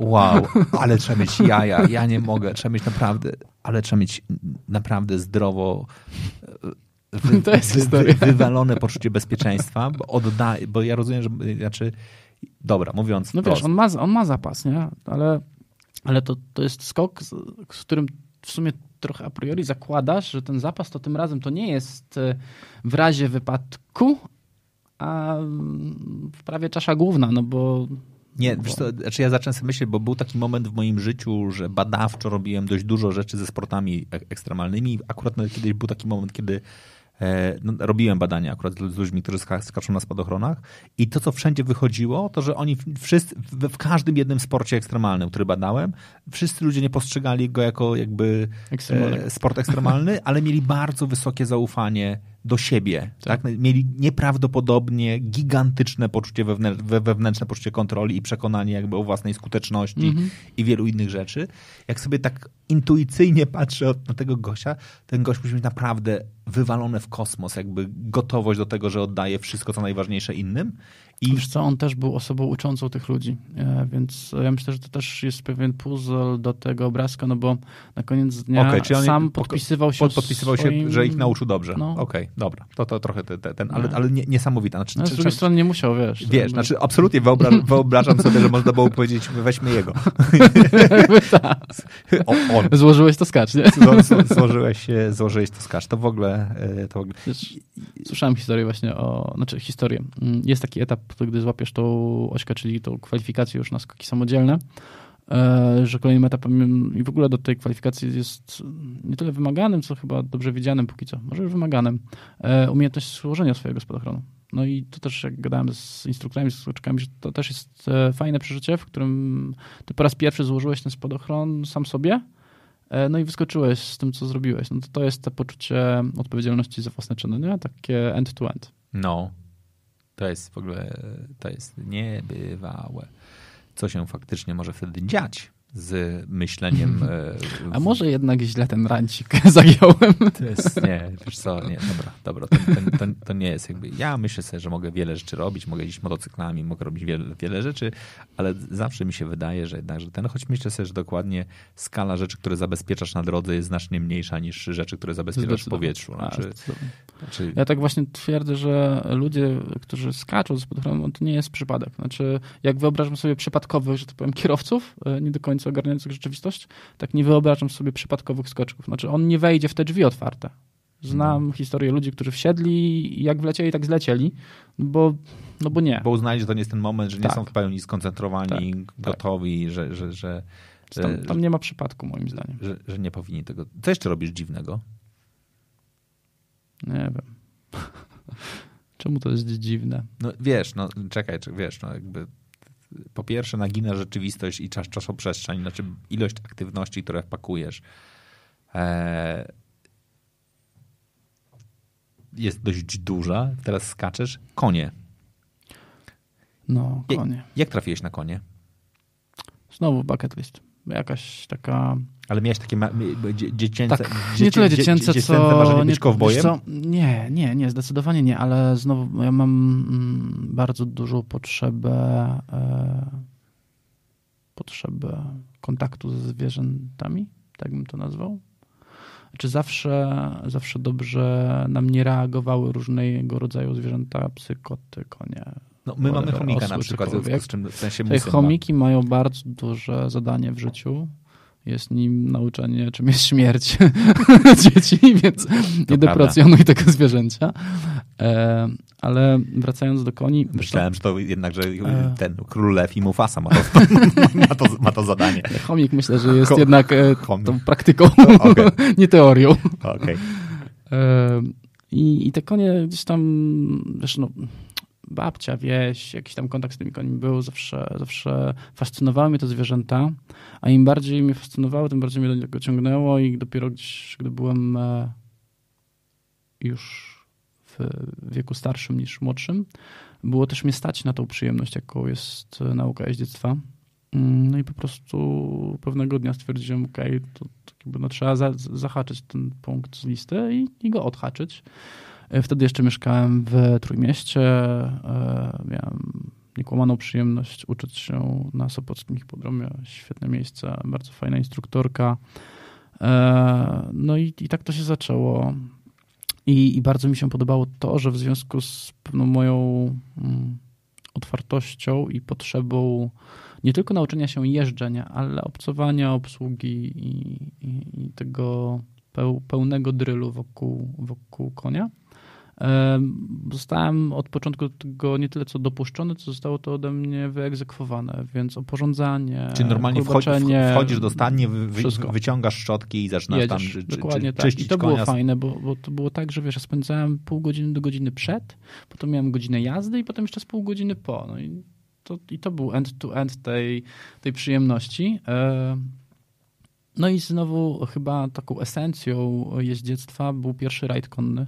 To w ogóle jest historia. E, Góry Izerskie. Mm, Wybraliśmy się tam chyba w 7 czy 8 osób, jeździliśmy na Hucułach. To są E. kucuły. To takie większe kuce. Okej. E, to nie koń polski. Znaczy są bardziej zwierzętami górskimi, mniejsze, bardziej postawne, no i zdecydowanie dużo wytrzymalsze. I co? No i, i, i- rajd był zorganizowany tak, że przez bodajże 5 czy 6 dni e, w siodle przemieszczaliśmy się przez góry izerskie, robiąc duże pętle, codziennie nocując w innym miejscu, w innym gospodarstwie. Codziennie byliśmy tam przyjmowani, goszczeni, E, grubo było naprawdę i codziennie cały dzień w siodle z popasami po drodze i z przeprawami przez rzeki, Czyli naprawdę takie ten, takie no, no, kowbojskie no, życie, no po prostu bajka. ten. Tylko stada wam zabrakło.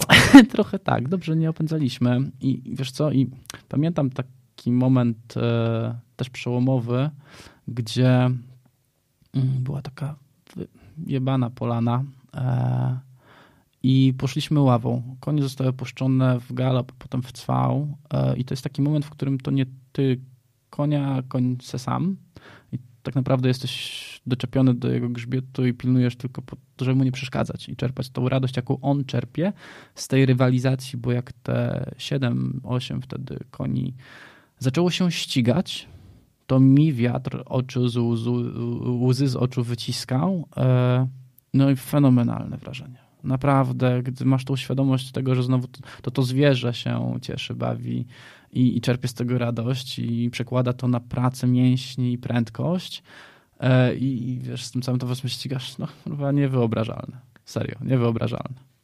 E, dodaj do tego właśnie przeprawy przez rzeki, skakanie przez strumyki i inne e, około jeździeckie przyjemności, no i no bajka. Ale powiem ci jedną anegdotę. To tak właśnie biznesowo dodam ci. Bo to też taka nauczka dla mnie, a często do niej wracam. I chyba nie będzie e, fapa, jak powiem, ile kosztował ten rajd. Aha. 1500 zł. Ile czasu? Tydzień. Wikt, opierunek 200, i rajd. 200 zł za dzień. Jedzenie, Czy... żarcie plus koń. I teraz posłuchaj.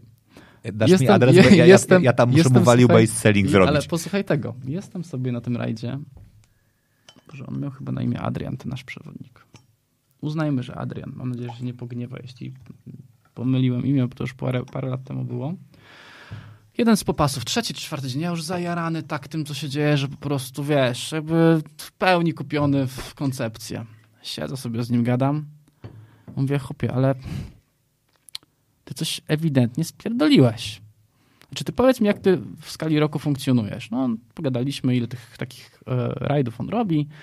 E, mówi, że na, czysto na netto zostaje mu tam 40 czy 50 tysięcy i to na okres zimowy mu starczy, bo wtedy rajdów za bardzo nie ma. No i tak sobie funkcjonuje. Mówi, mam swój dom na swojej działce, za dużo to nie płacę, mam swoją studnię.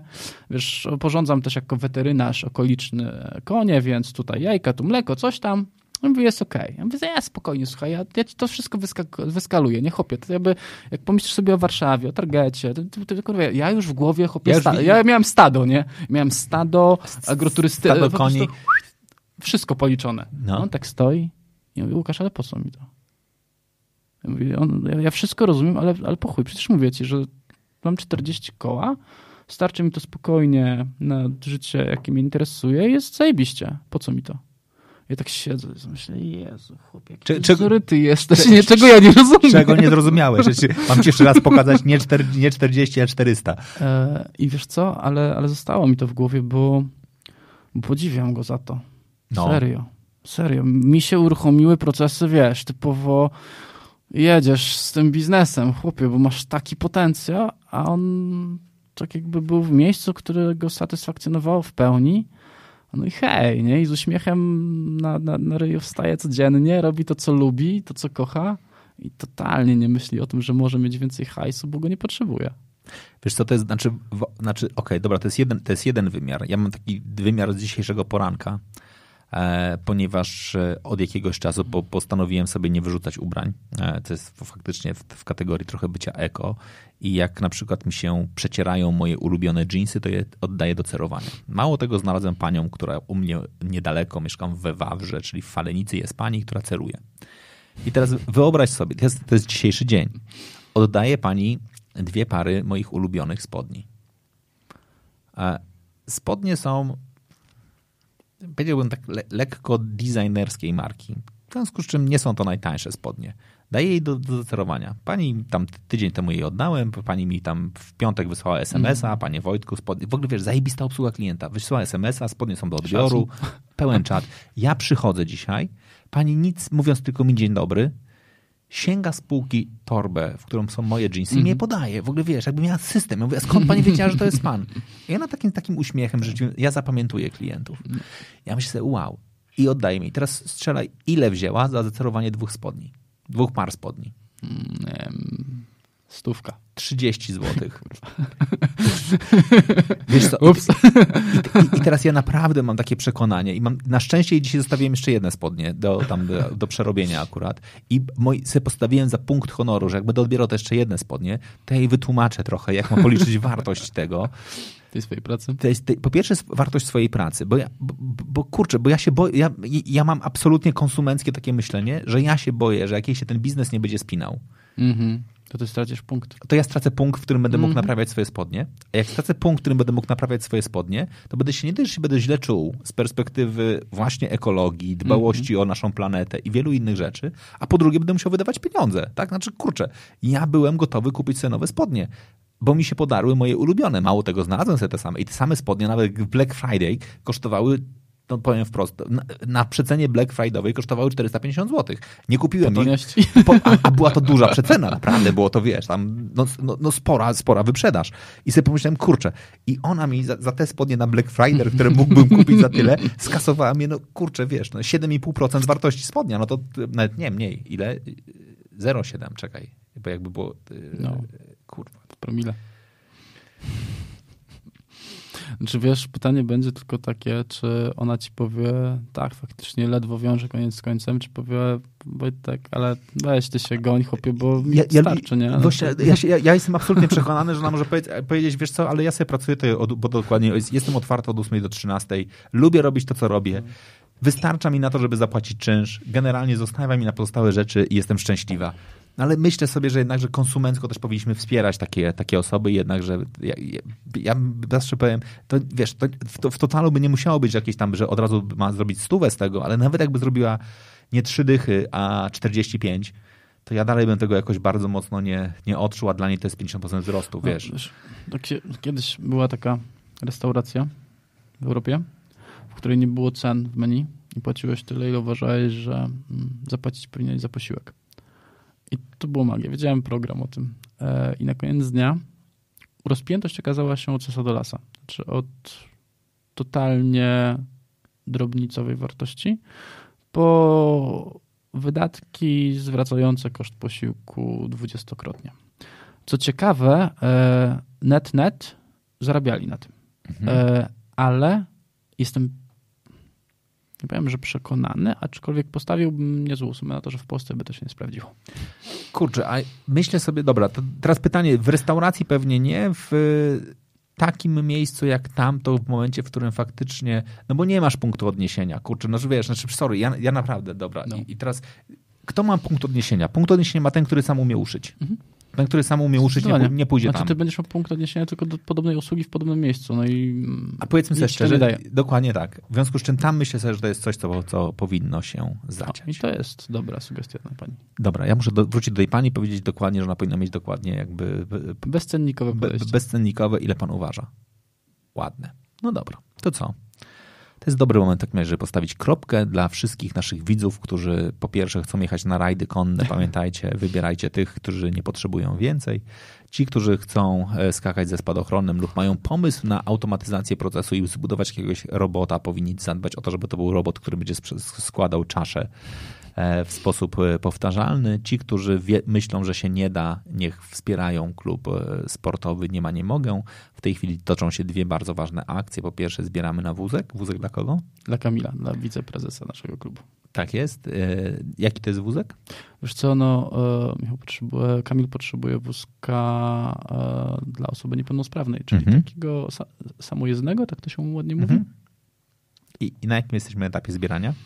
Mm, jeżeli dobrze pamiętam cyfrę sprzed dwóch czy trzech dni, to jest już powyżej 35 tysięcy, no ale daleka droga, bo my tutaj mówimy o wydatku rzędu 100 plus. Okej, dobra. Czyli jeżeli generalnie w tej chwili macie taką ochotę, to wchodzicie gdzie? Gdzie można... E, wiesz co, jest taki hashtag e, wózek dla Kamila e, i, i to jest coś, o czym nie wspomnieliśmy przy klubie, e, ale coś, co się świetnie sprawdza. E, mamy licytacje, aukcje. E, I te licytacje, aukcje polegają na tym, że wszyscy zainteresowani właśnie działacze i aspirujący wrzucają na licytację coś od siebie. Czasem są to rzeczy materialne, czasem usługi i pozostali mogą je zlicytować. Hajs zlicytowany idzie na wózek, a my dokonujemy pewnej wymiany e, towarowo-usługowej, e, która powoduje radość obustronną. Znaczy, mm, ja na przykład się wyzbywam niepotrzebnej rzeczy, którą kupuje ktoś, kto chce ją mieć, a zarabia na tym akcja. Więc e, zapraszam pod hashtag Wozek Kamila i, i jest oddzielna grupa e, tych aukcji. Sporo fajnych rzeczy można zlicytować e, właśnie takim działaniem. Okej. Okay. Szukamy, oczywiście, jeżeli ktoś chce coś do, dorzucić, jeszcze od siebie wystawić, to też to Zdecydowanie. może w ten sposób zrealizować. A ja bardzo serdecznie e, dziękuję Ci za to, że spędziłeś z nami razem ten wieczór, inspirując nas historią swojego życia i e, życia zawodowego, osobistego i sportowego, końskiego i spadochronowego. dziękuję Ci bardzo. Dzięki Wojtek. Waszym gościem był Łukasz Turczyński. A wy, jeżeli do, do, dotarliście do tego momentu, to pamiętajcie o tym, żeby udostępniać, dawać lajki, komentować i szerzyć e, informacje dalej. Za dzisiaj bardzo serdecznie Wam dziękuję. Widzimy się w kolejnym Hera on Air.